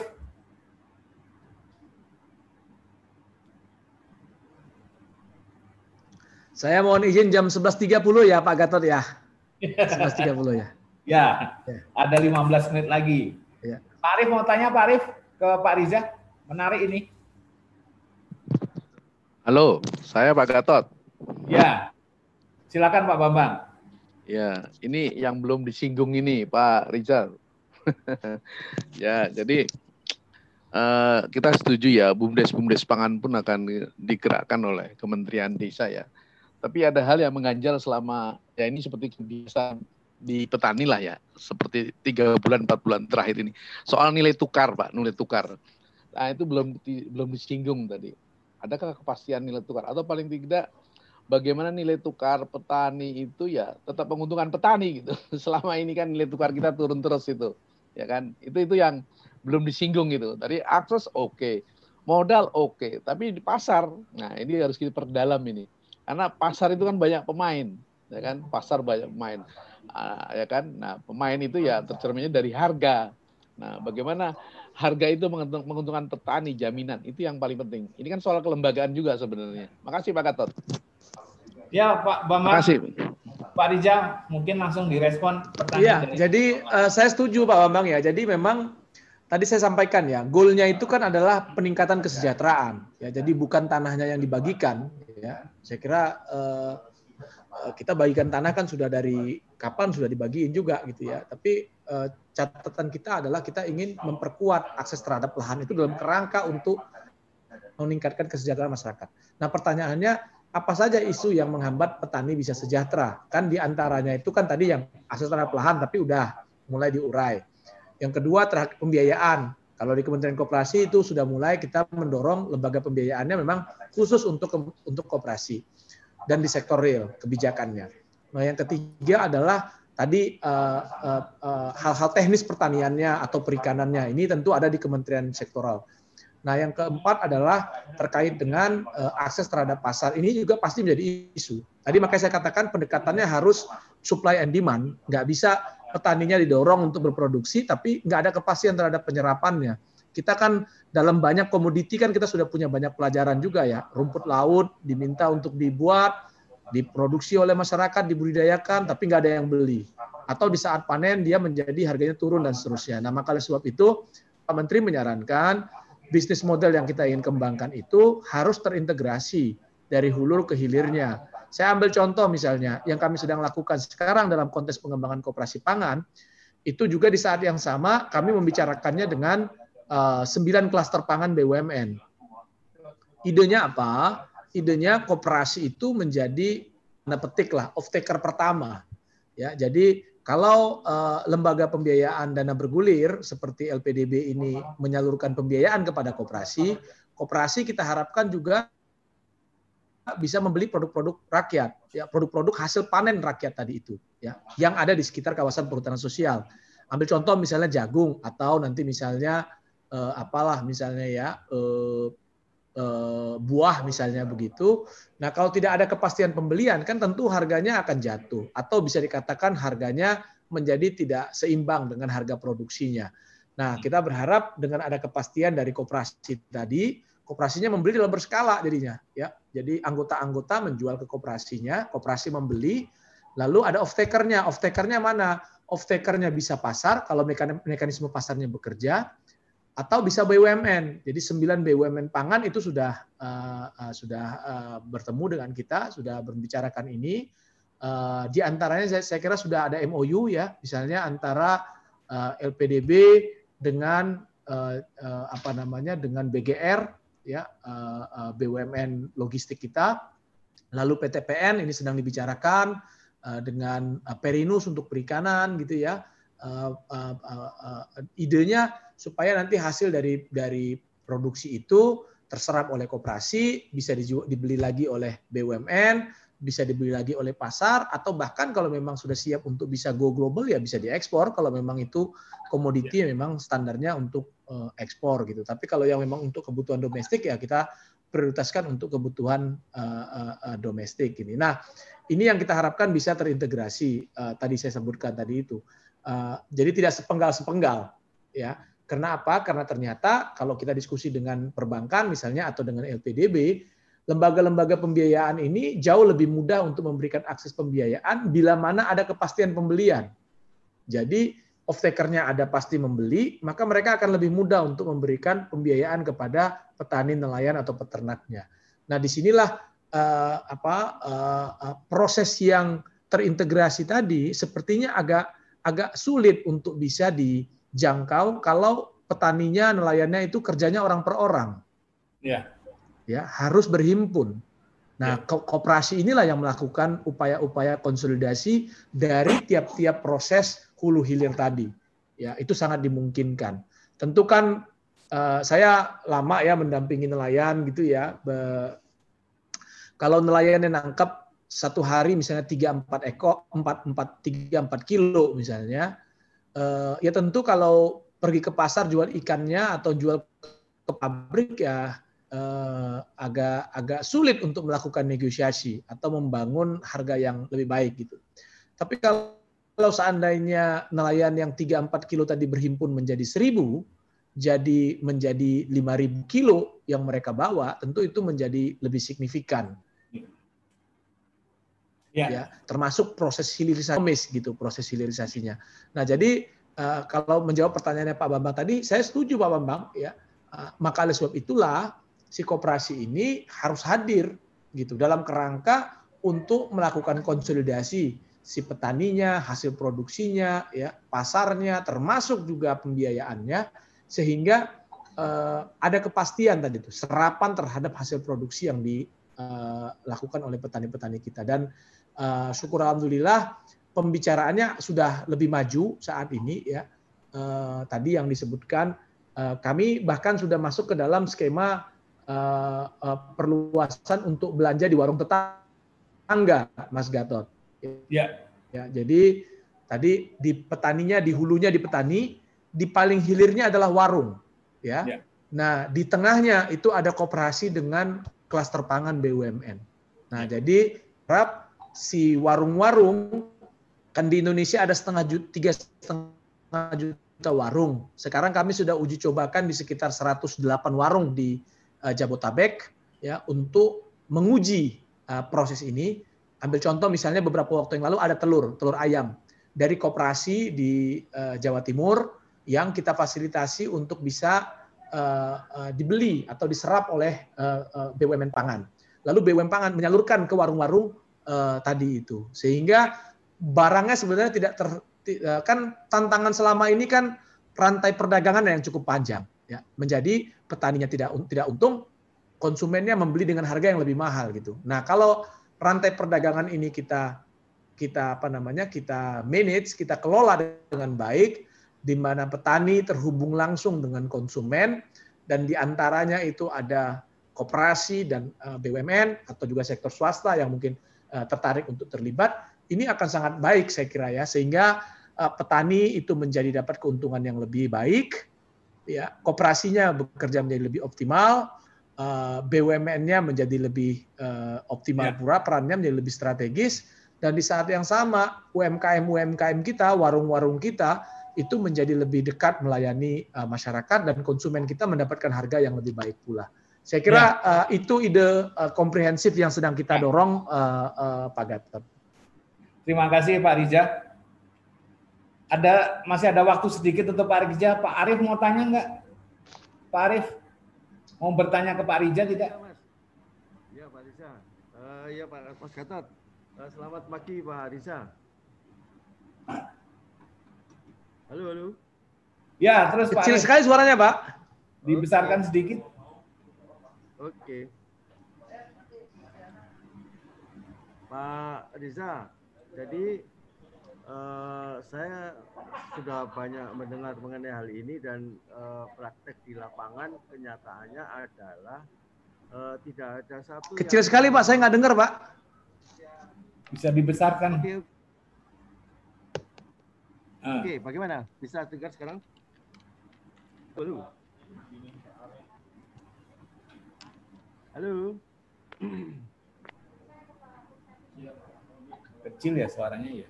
Handphone. Halo? Sayang nih Audi, saya kecil banget. Eh, mohon maaf. Eh, saya lagi. Ditempel aja Pak, ditempelkan. Saya mau ya, saya mau menanya aja bahwa eh, tidak ada satupun manajemen yang mengatur eh, segala hal yang kita perlukan bersama, sehingga masyarakat itu harus berhubungan dan dengan berbagai eh, kementerian maupun instansi. Untuk itu mohon kiranya itu dipikirkan bagaimana manajemen adanya manajemen yang mengatur eh, proses daripada eh, katalisasi eh, plasma inti ini. Saya kira itu. Terima kasih. Apa ya Pak Gatot? Saya nggak dengar Pak Gatot. Sama Pak Riza agak Ya jadi gini Pak Riza, jadi mungkin eh, yang ditanyakan Pak Arief itu adalah tentang eh, masalah eh, satu proses eh, apa yang dilakukan di koperasi di yang dilakukan di koperasi dalam rangka ini Pak eh, apa kurang lebih tadi agak juga agak susah saya tangkap jadi isinya bahwa ya mungkin gini aja Pak Riza nanti coba eh, bahwa tanggapannya adalah bahwa persoalan antara koperasi dan bumdes itu sebetulnya sama kurang lebih bahwa tujuannya adalah sama-sama meningkatkan bargain dari petani itu sendiri lah. Nah, Ya, yang ya, ya. dari Pak Arief itu tadi adalah cara kerjasamanya bagaimana, gitu. Kurang lebih seperti itu. Saya kira kan begini ya Pak ya, kalau yang eh, secara prinsip kan sebenarnya eh, eh, BUMDes itu eh, sudah di, jadi saya tidak mungkin, saya tidak masuk ke dalam teknisnya si BUMDes ya, tapi pada intinya saya ingin bilang di lapangan itu faktanya BUMDes itu ada, ya Kementerian Desa dengan seluruh instrumennya itu sudah bekerja di banyak tempat di Indonesia. Nah di saat yang sama juga sudah tumbuh dan kembang eh, jauh sebelumnya sebenarnya koperasi-koperasi di eh, tiap-tiap daerah di Indonesia termasuk juga di perdesaan. Jadi saya kira ini tidak perlu di eh, apa namanya ditabrak-tabrakin gitu ya. Ini sesuatu yang lembaga masyarakat, ekonomi masyarakat yang sudah tumbuh secara alamiah di daerahnya masing-masing. Ya. Nah, hanya saja memang untuk eh, apa eh, koperasi itu ya jadi dia eh, satu lembaga ekonomi yang sudah berbadan hukum gitu.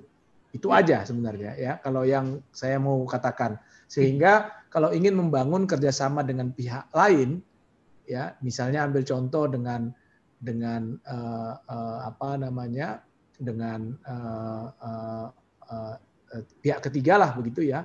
Tentu me- dengan koperasi itu menjadi lebih kokoh lalu aturan-aturan mainnya kan juga lebih eh, eh, apa lebih lebih visible dalam konteks eh, ekonomi kita hari ini gitu ya uh, karena secara tadi itu uh, Ya Pak Rija.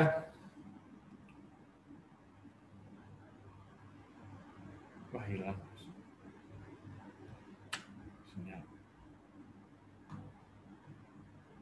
Jika sama ngomong ini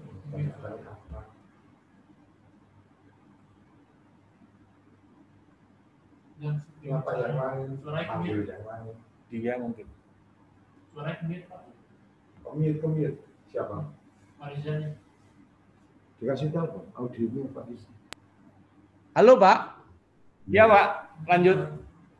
Ya jadi Ya, tadi tadi nggak dengar ya Pak ya An- mute ya agak, agak hilang. putus ya Ya. ya jadi eh, saya kira eh, begitu Pak Gatot ya jadi sebenarnya kan bumdes sama koperasi ini nggak perlu kita Ya. eh, hadap-hadapkan begitu ya. Karena tentu di beberapa daerah ada yang eh, bumdesnya sudah eksis sudah tumbuh sudah berkembang dan sudah eh, eh, apa memberikan manfaat besar kepada masyarakat di desa tersebut. Saya kira itu harus terus diperkuat. Tapi di saat yang sama ada daerah-daerah atau desa-desa kita atau komunitas kita yang sudah berkoperasi, sudah eksis, sudah tumbuh dan kembang, ini terus terus kita perkuat. Dan kami di Kementerian Koperasi ya lagi-lagi saya ingin sampaikan Pak Menteri eh, eh, sejak awal menyampaikan prioritas kita itu adalah penguatan eh, koperasi eh, khususnya di sektor real dalam hal ini di sektor pangan.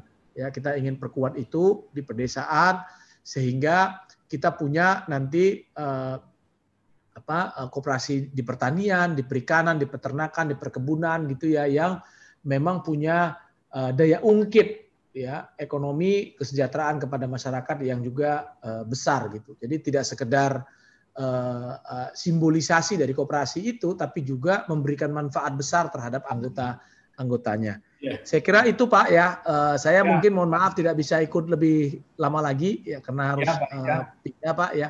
Eh, terima kasih Pak Gatot, Bapak Ibu sekalian ya, eh, Pak Bambang, eh, eh, teman-teman semua dari BUMDes, dari pegiat koperasi ya. Terima kasih. Assalamualaikum warahmatullahi wabarakatuh.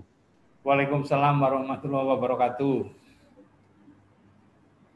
Terima kasih banyak Pak Rija. Ini buat teman-teman Pak Rija ini juga Ketua Umum Himpunan Tani Tradi, eh, Nelayan Tradisional Indonesia. Saya eh, kasih infonya bahwa kemudian bahwa tadi sebetulnya juga dengan persoalan yang sudah diungkapkan menyangkut tentang eh, pilot project yang dilakukan sama Kementerian Koperasi itu juga kalau untuk kementerian di desa sendiri sudah lama itu. Dulu ada program Prokades yang produk unggulan kawasan perdesaan yang masing-masing area daerah itu juga dilakukan satu proses penguatan terhadap komunitas pangan yang kemudian pada puncaknya melakukan satu MOU dengan off-taker. Ada 60 off-taker yang dulu terdaftar dalam Kementerian Desa ketika melakukan satu program MOU dengan eh, di program Prukades tadi. gitu. Nah, tadi hal-hal sedemikian dilakukan juga di Kementerian Koperasi, juga di KLHK, dan nantinya juga yang perlu kita sentuh juga adalah di pertanian dan juga di eh, berbagai kelembagaan off-taker gitu. Juga di Kementerian BUMN gitu. Baiklah, ini ada satu narasumber lagi yang belum bergabung karena beliau masih ada rapat dengan pimpinan Pak Menteri yakni Pak Nugroho. Pak Nugroho belum bergabung. Sembari kita menunggu beliau, eh, mungkin Mas Bambang masih ada, Mas Bambang?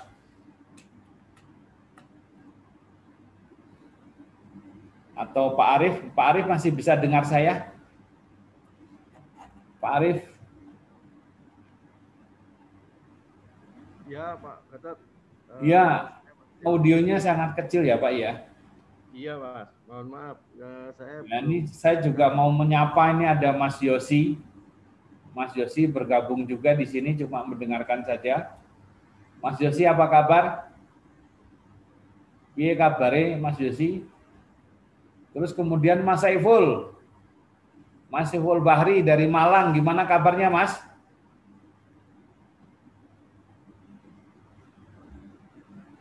Mungkin bisa join video dan audionya, bisa berkomunikasi.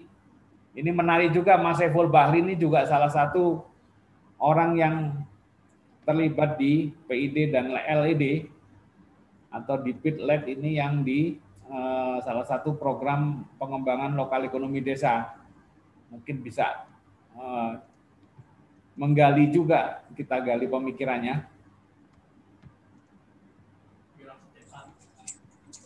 Ah, Mas Yosi, apa kabar? Apa kabar, Pak Gatot? Ya, gimana Mas inovasi desa? Oh, ngerti, ra ngerti. sehat selalu ya? Sehat, sehat. Saya baru pakai pakaian di kebun nih. dari kebun, dari tadi ngintip terus. Ngintip, ngintip, ngintip. Sukses lah pokoknya acaranya. Gimana ya. Mas?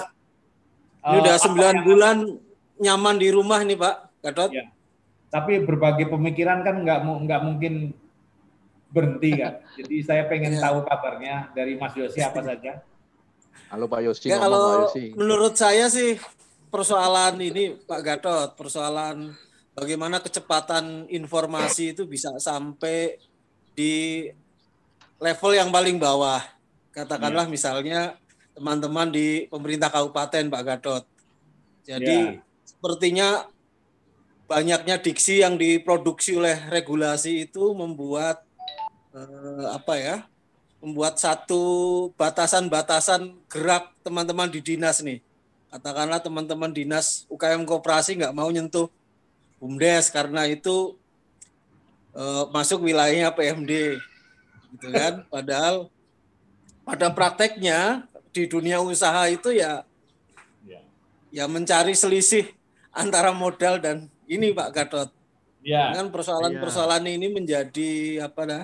Menjadi menjadi kurang cepat lah. Saya kira Pak Jokowi ini kan punya visi besar untuk urusan percepatan ini, tapi karena disinformasi dan miskomunikasi yang terjadi antar level ini sehingga kemudian uh, itu agak tersendat ya. Saya sih menduga itu proses kehati-hatian ya. Ya. Jadi uh, proses kehati-hatian ya penting tapi kadangkala kami sebagai pelaku di lapangan gregetan gitu kalau kehati-hatiannya terlalu tinggi. Iya. Karena apa? Ya tadi eh, proses-proses yang harusnya bisa kita percepat menjadi sangat lambat. Itu satu. Yang kedua, eh, ini kayak autopilot Pak Gatot. Autopilot itu Eh, teman-teman di desa ini udah udah dalam tahun ini udah ngegas ngegas terus nih. Udah ngegas udah ngegas kayak gitu tapi eh, kontrol atas eh, apa namanya penggunaan dana yang ada di desa ya. Baik DD atau ADD ini kayaknya keputusannya lambat. Jadi keputu keputusannya tepat di waktu yang tidak tepat Pak Gadot. jadi apa ya offset terus ini ya offset terus. Aku lihat offset terus. Jadi ya akhirnya sebenarnya orang baik ketemu orang baik saling mengeluh gitulah. ya karena tadi uh, apa ya waktu bertemunya nggak nggak bareng istilahnya kalau dalam bahasa apa ya mengeluh melenguhnya nggak bareng pak Gatot. Jadi yang ada yang apa namanya, ada yang cepat duluan, ada yang lambat ya gitu. Dan ini saya kira penting supervisi-supervisi dari terutama provinsi Pak Gadot. Kalau dari pusat sih menurutku udah cepat ya. Dari provinsi ke kabupaten ini supervisinya kadang uh, ya bukan lambat ya, tapi kadang udah tadi udah udah lari duluan ibaratnya lampu nyala hijau gitu ya untuk kita jalan tapi sebenarnya yang hijau itu adalah satu hari yang lalu. Jadi pas kita nyebrang itu ketabrak juga. Nah, Nah, saya kira koordinasi-koordinasi antar pro- provinsi dan kabupaten ini menjadi urgen juga di masa pandemi ini karena eh, proses-proses pembatasan perbatasan sosial ini kan tidak bisa dilakukan per kabupaten gitu ya karena mobilitas masyarakat hari ini itu udah selalu lintas kabupaten. Katakanlah tempat kami Pak Gatot Cilacap kayak gitu, angka COVID-nya rendah. Ya karena memang nggak ada tes kok, jadi ya rendah terus. Ya. Nah yang kayak gitu-gitu kan kabupaten apa pemerintah membangun kami rendah. Pada prakteknya kabupaten sebelah banyak kayak gitu, tapi karena terjadi apa ada proaktif dari kabupaten untuk melakukan tes. Nah yang kayak gini-gini data-data yang kayak gini juga konteksnya harus di dipahami gitu ya. Jadi jangan ditelan mentah-mentah kalau dapat laporan dari daer- daerah Pak Gatot. Kayak gitu. Terima kasih Mas Yosi. Ini ada Mas Iwan Sulamo nih. Sus, Mas Iwan Sulasmo nih. Mas Iwan apa kabar Mas Iwan? Alhamdulillah kabar baik Mas Gatot. Menyimak dulu. Lanjut. Pak Bambang, Pak Bambang. Mas Bambang. Pak Bambang masih bergabung?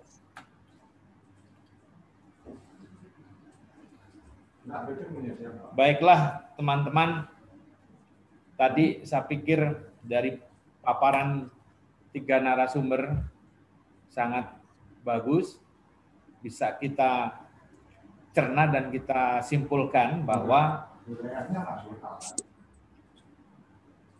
eh, pola atau satu proses eh, pengembangan lokal ekonomi desa, terutama di desa, itu dengan adanya perhutanan sosial makin bagus karena dia bisa menjamin adanya akses legal lahan. Terus kedua, bahwa eh, proses-proses pendampingan ataupun proses-proses fasilitator yang dilakukan di lapangan terkait dalam satu pengembangan komoditas, baik di wilayah perhutanan sosial ataupun yang lain, itu modelnya sama antara apa yang dilakukan dalam satu pola yang dilakukan oleh Kementerian Desa dan juga KLHK. Dalam proses perhutanan sosial itu ada pasca SK, jadi dia berbicaranya adalah tentang bagaimana pendampingan pasca SK itu dia mampu sebagai satu fasilitator yang baik terhadap eh, petani desa, terhadap petani hutan tadi. Ada satu proses eh, pengembangan sumber daya, juga ada satu eh, terhadap eh, yang lain termasuk menyangkut produksi dari eh, pertanian tadi. Nah, kemudian juga bahwa kolaborasi yang dilakukan itu mungkin juga harus lebih kuat gitu. Menyangkut dari kelembagaan-kelembagaan yang ada. Tadi dalam satu paparan yang sebelumnya dari Pak Herudoyo disebutkan bahwa ada sekian banyak kelembagaan pemerintah atau KL atau kementerian yang sudah terlibat. Nah, mudah-mudahan dalam satu rangka aksi kolaborasinya bisa berjalan dengan baik gitu. Karena persoalan yang paling utama adalah persoalan di bawah menyangkut ekonomi desa, menyangkut eh, ekonomi warga desa dan petani desa yang sampai detik ini mungkin bisa dikatakan mereka belum makmur. Jadi bagaimana mengangkat masalah tadi, nah, satu kolaborasi yang eh, penting dan bersama-sama bisa dilakukan. Ini saya masih bisa didengarkan nggak di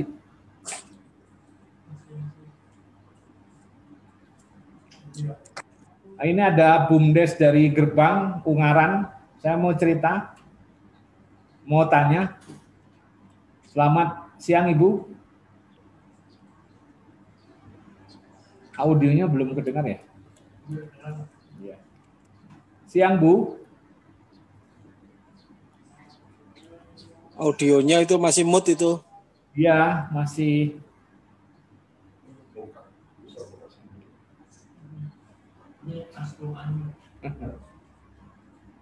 di, di sananya. Iya. Masih ya. Mas Yosi, apa Mas bisa diceritakan di wilayah Cilacap pernah bertemu dengan kawan-kawan perhutanan sosial tidak? Perhutanan sosial ya Dari kita. ah itu udah udah udah oke itu. Kita Bu ya. Biasanya udah bisa. Monggo Bu, Ibu dulu. Ya, terima kasih Bapak. Memperkenalkan saya Bu Ratni dari Bumdes Gerbang Lentera Kabupaten Semarang. Alhamdulillah, saya senang sekali ini ikut bergabung dengan Bapak-bapak di sini. Ya. Cuman saya sepertinya kok hanya sebagai pendengar saja ini. Kapan saya bisa maju dan bisa uh, cepat ini ya menyesuaikan dengan adanya kalau saya dengar dari tadi nampak nampaknya dari UMKM ini. Tapi uh, dengan adanya yang tadi disampaikan oleh bapak-bapak di depan saya menyimak, saya senang sekali dengan adanya UMKM, adanya uh, sosial ini, BUMDes sebagai ekonomi masyarakat desa ingin bergabung sekali ingin bergabung sekali artinya bagaimana kita ataupun BUMDes ini uh, bisa menyerap hasil-hasil bumi, hasil-hasil hutan yang ada di khususnya di Kabupaten Semarang, utamanya di Desa Lerep, Kecamatan Ungaran Barat ini. Saya sangat senang sekali dan saya sangat berharap bagaimana BUMDes ini bisa menyesuaikan dengan UMKM dan uh, apa yang disampaikan tadi semua BUMDes bisa ikut bergabung dan bisa menyesuaikan diri intinya hanya itu aja. Iya, iya, Ibu. Nah, jadi saya senang sekali Pak ingin menyikapi, ingin bergabung dan ingin berharap agar uh, ekonomi masyarakat desa yang utamanya di BUMDes ini uh, bisa menyesuaikan diri dengan apa yang disampaikan di bapak-bapak di depan tadi. Terima kasih. Terima kasih Ibu. Terima kasih banyak. Nah mungkin begini Ibu, ada satu ilustrasi bahwa eh, tadi dari Kementerian Koperasi UKM itu dia berbicara tentang persoalan perhutanan sosial yang dikoperasikan. Oke. Dalam satu desa itu ini desa dan tepi hutan, kebetulan mereka ada lembaga masyarakat desa hutan atau kelompok tani hutan ataupun gapokan yang kemudian mereka mengurus perhutanan sosial dan kemudian perhutanan sosialnya itu dibuatkan. Betul, betul Bapak. Dia sebagai satu sub di dalam desa yang berbasis lahan tadi untuk pengembangan komoditas. Nah, kalau BUMDes itu kan tingkatnya mengatapi juga bisa. Jadi umbrella ataupun organisasi induknya bisa.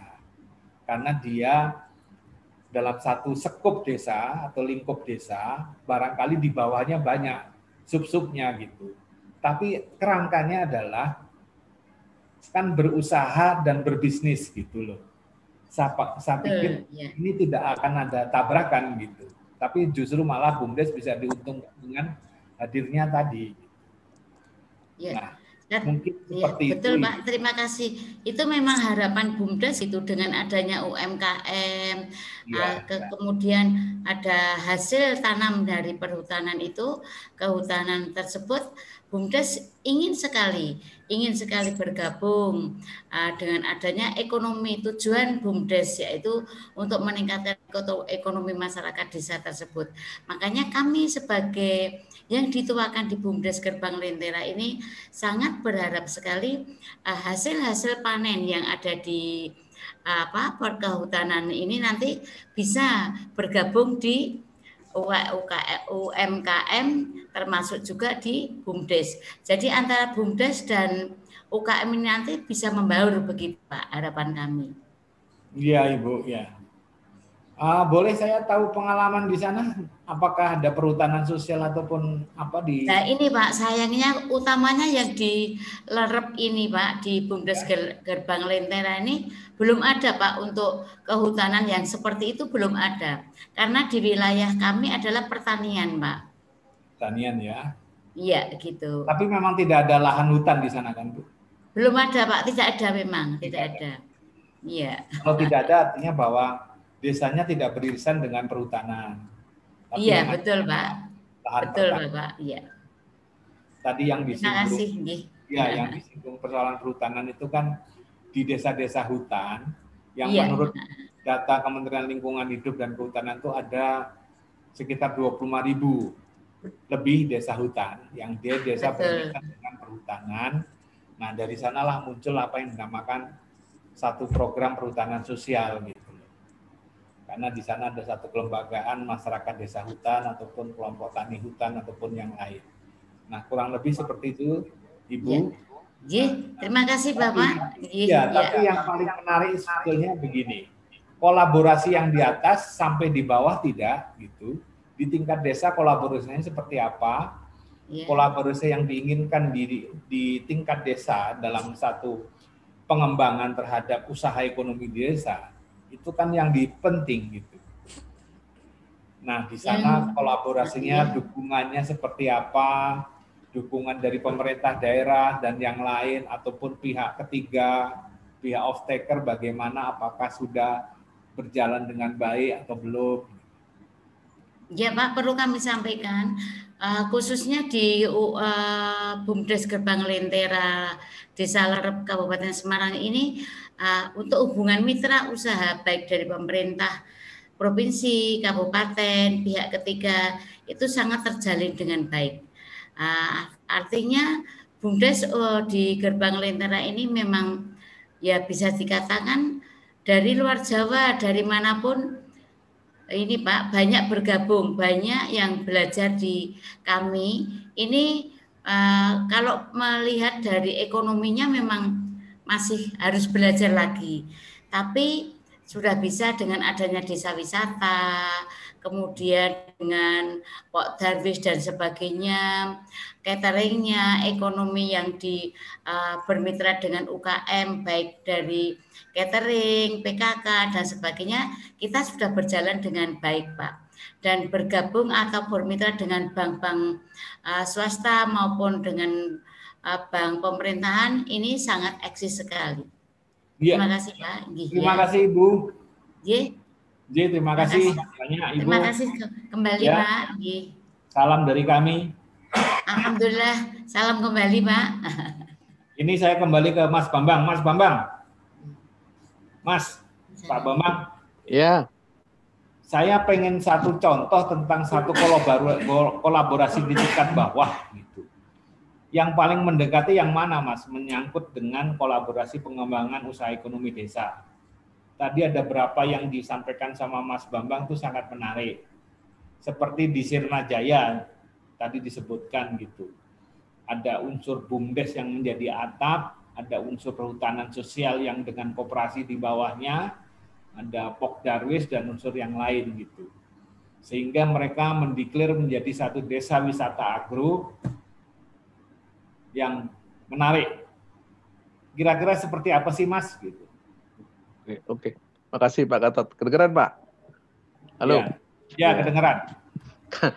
Kalau desa Sinajaya ini ya masih potensial lah Pak. Jadi belum belum belum ini sekali ya apa namanya ya mendekati mendekati bagus tapi masih potensial. Kenapa potensial? Kan itu baru LMDH ya. Perhutanan sosialnya kan belum terformal, terformalkan. Ya, kelihatan kedengarannya begitu Pak ya. Jadi skemanya sebenarnya masih skema lama mereka itu, ya kan? Kalau apa namanya di Sirnajaya. Kalau misalnya yang perhutanan sosial KLHK itu sudah memformalkan, ya itu sudah termasuk ya mendekati ideal lah, ya kan? Tinggal off takernya, ya kan? Off takernya. Ya, kan? karena di situ kan ada agro wisata berbasis kopi menggunakan lahan apa lahan uh, perhutani kan untuk kopi yang dipakai oleh LMDH dan di bawahnya itu uh, milik desa itu kan uh, itu danau danau rawa gede. Nah ini bisnisnya tetap jalan. Jadi uh, kerangka formal dari pemerintah masih abu-abu tapi modelingnya itu sudah, sudah terjadi sudah bagus. Artinya tinggal memang skala skalanya harus harus sudah apa namanya udah cukup bagus lah. Tinggal formal. Formal itu kan jaminan artinya kan. Karena jangan sampai nanti eh, persoalan pemanfaatan eh, lahan di di gunung apa namanya di Sinajaya itu menjadi masalah gitu kan. Karena kan banyak sekali itu kan sektor-sektor pihak ketiga yang ada di situ. Jadi untuk jaminan kepastian aja jadi perlu di legal legalisasinya segera itu dari KLHK itu. Nah kalau yang mendekati ideal ya di Wanagiri Pak Gatot. Tadi Pak Heru sudah sampaikan itu sudah sangat luar biasa dari peranan bumdes ya kan, dari aset, penyerapan kesempatan kerja itu udah ideal kalau itu. Kalau saya udah ideal karena Bali ya wisatanya oke, terus pengolahan budidaya kopinya, terus ada alpukat juga tanaman ikutannya ya. Terus ada baju apa namanya air terjun Banyu Mulek ya, eh Banyu apa namanya Banyu itu terkenal sekali lah. Sekarang eh, dua tahun terakhir ini begitu Pitpel masuk juga semakin luar biasa lah gitu. Cuma ada persoalan di situ memang eh, eh, peran ini pertanian tanaman pangan karena ada beberapa penduduk yang masih menggarap eh, tanaman sayuran dan palawija di area hutan itu. Ini kan sangat mengganggu untuk resapan air sebenarnya. Ini konflik ini sebenarnya bisa harusnya uh, antar kementerian lembaga atau dinas bisa mengatasi itu gitu. Jadi ya. pelan-pelan tapi kita mensyaratkan agar uh, itu memang sepenuhnya jadi hutan. Jadi enggak tidak ada problem apa namanya uh, air untuk untuk resapan air ya kan. Karena tiga danau itu kan Tembil, Tembelinang dan tiganya itu itu kan isunya kalau di Bali itu uh, termasuk lumayan lah jadi isu isu isu isu yang lumayan. Kira-kira itu Pak Gatot ya. Jadi kalau mau ideal ya Wanagiri lah. Pak Iru kan udah menyampaikan itu ya. Karena kita dari Pitpela sendiri menggandeng Indocom kalau nggak salah. Dia eksportir kopi, ya eksportir kopi dan kualitas yang apa namanya bagus ya kan. Kira-kira itulah Pak ya. Makasih Pak Gatot. Ya Pak Bambang, terima kasih. Mungkin uh, tadi ada yang saya, saya garis bawahi bahwa persoalan LMDH itu adalah memang masyarakat lembaga masyarakat desa hutan atau dia yang mengurusi hutan di area tersebut yang berhubungan dengan perhutani dan kemudian ada juga yang tidak ada LMDH tapi kemudian membentuk kelompok tani hutan. Tapi semuanya legal. Persoalannya adalah tadi proses SK yang diajukan untuk perhutanan sosial di daerah tersebut sudah mendapatkan SK atau belum. Nah, legalisasinya nanti menunggu dari pihak PSKL KLHK untuk Kementerian Lingkungan Hidup dan Kehutanan. Nah, para pendengar semua, para pemerintah, Bapak Ibu yang telah berkenan bergabung dalam Forum Pojok Desa karena waktunya sudah mendekati habis, maka mungkin saya ucapkan banyak terima kasih sekali lagi bahwa satu uh, proses kolaborasi atau kolaborasi ekonomi di desa itu perlu sekali ditingkatkan tadi tapi kita sebetulnya sangat menunggu sekali salah satu narasumber dari uh, direktur pengembangan usaha ekonomi desa, tapi mungkin karena ada uh, rapat dengan Pak Menteri. Perubahan, jadi, perubahan. Ya. Ini ada yang mendekati waktunya habis, baru muncul ini dari Malang, Pak Saiful. Nah, saya dari Forum Pojok Desa berapresiasi uh, sangat berterima kasih sekali kepada semua Bapak dan Ibu yang telah bergabung. Dan acara ini bisa saya akhiri ya. Saya tutup. Wassalamualaikum warahmatullahi wabarakatuh. Waalaikumsalam warahmatullahi wabarakatuh.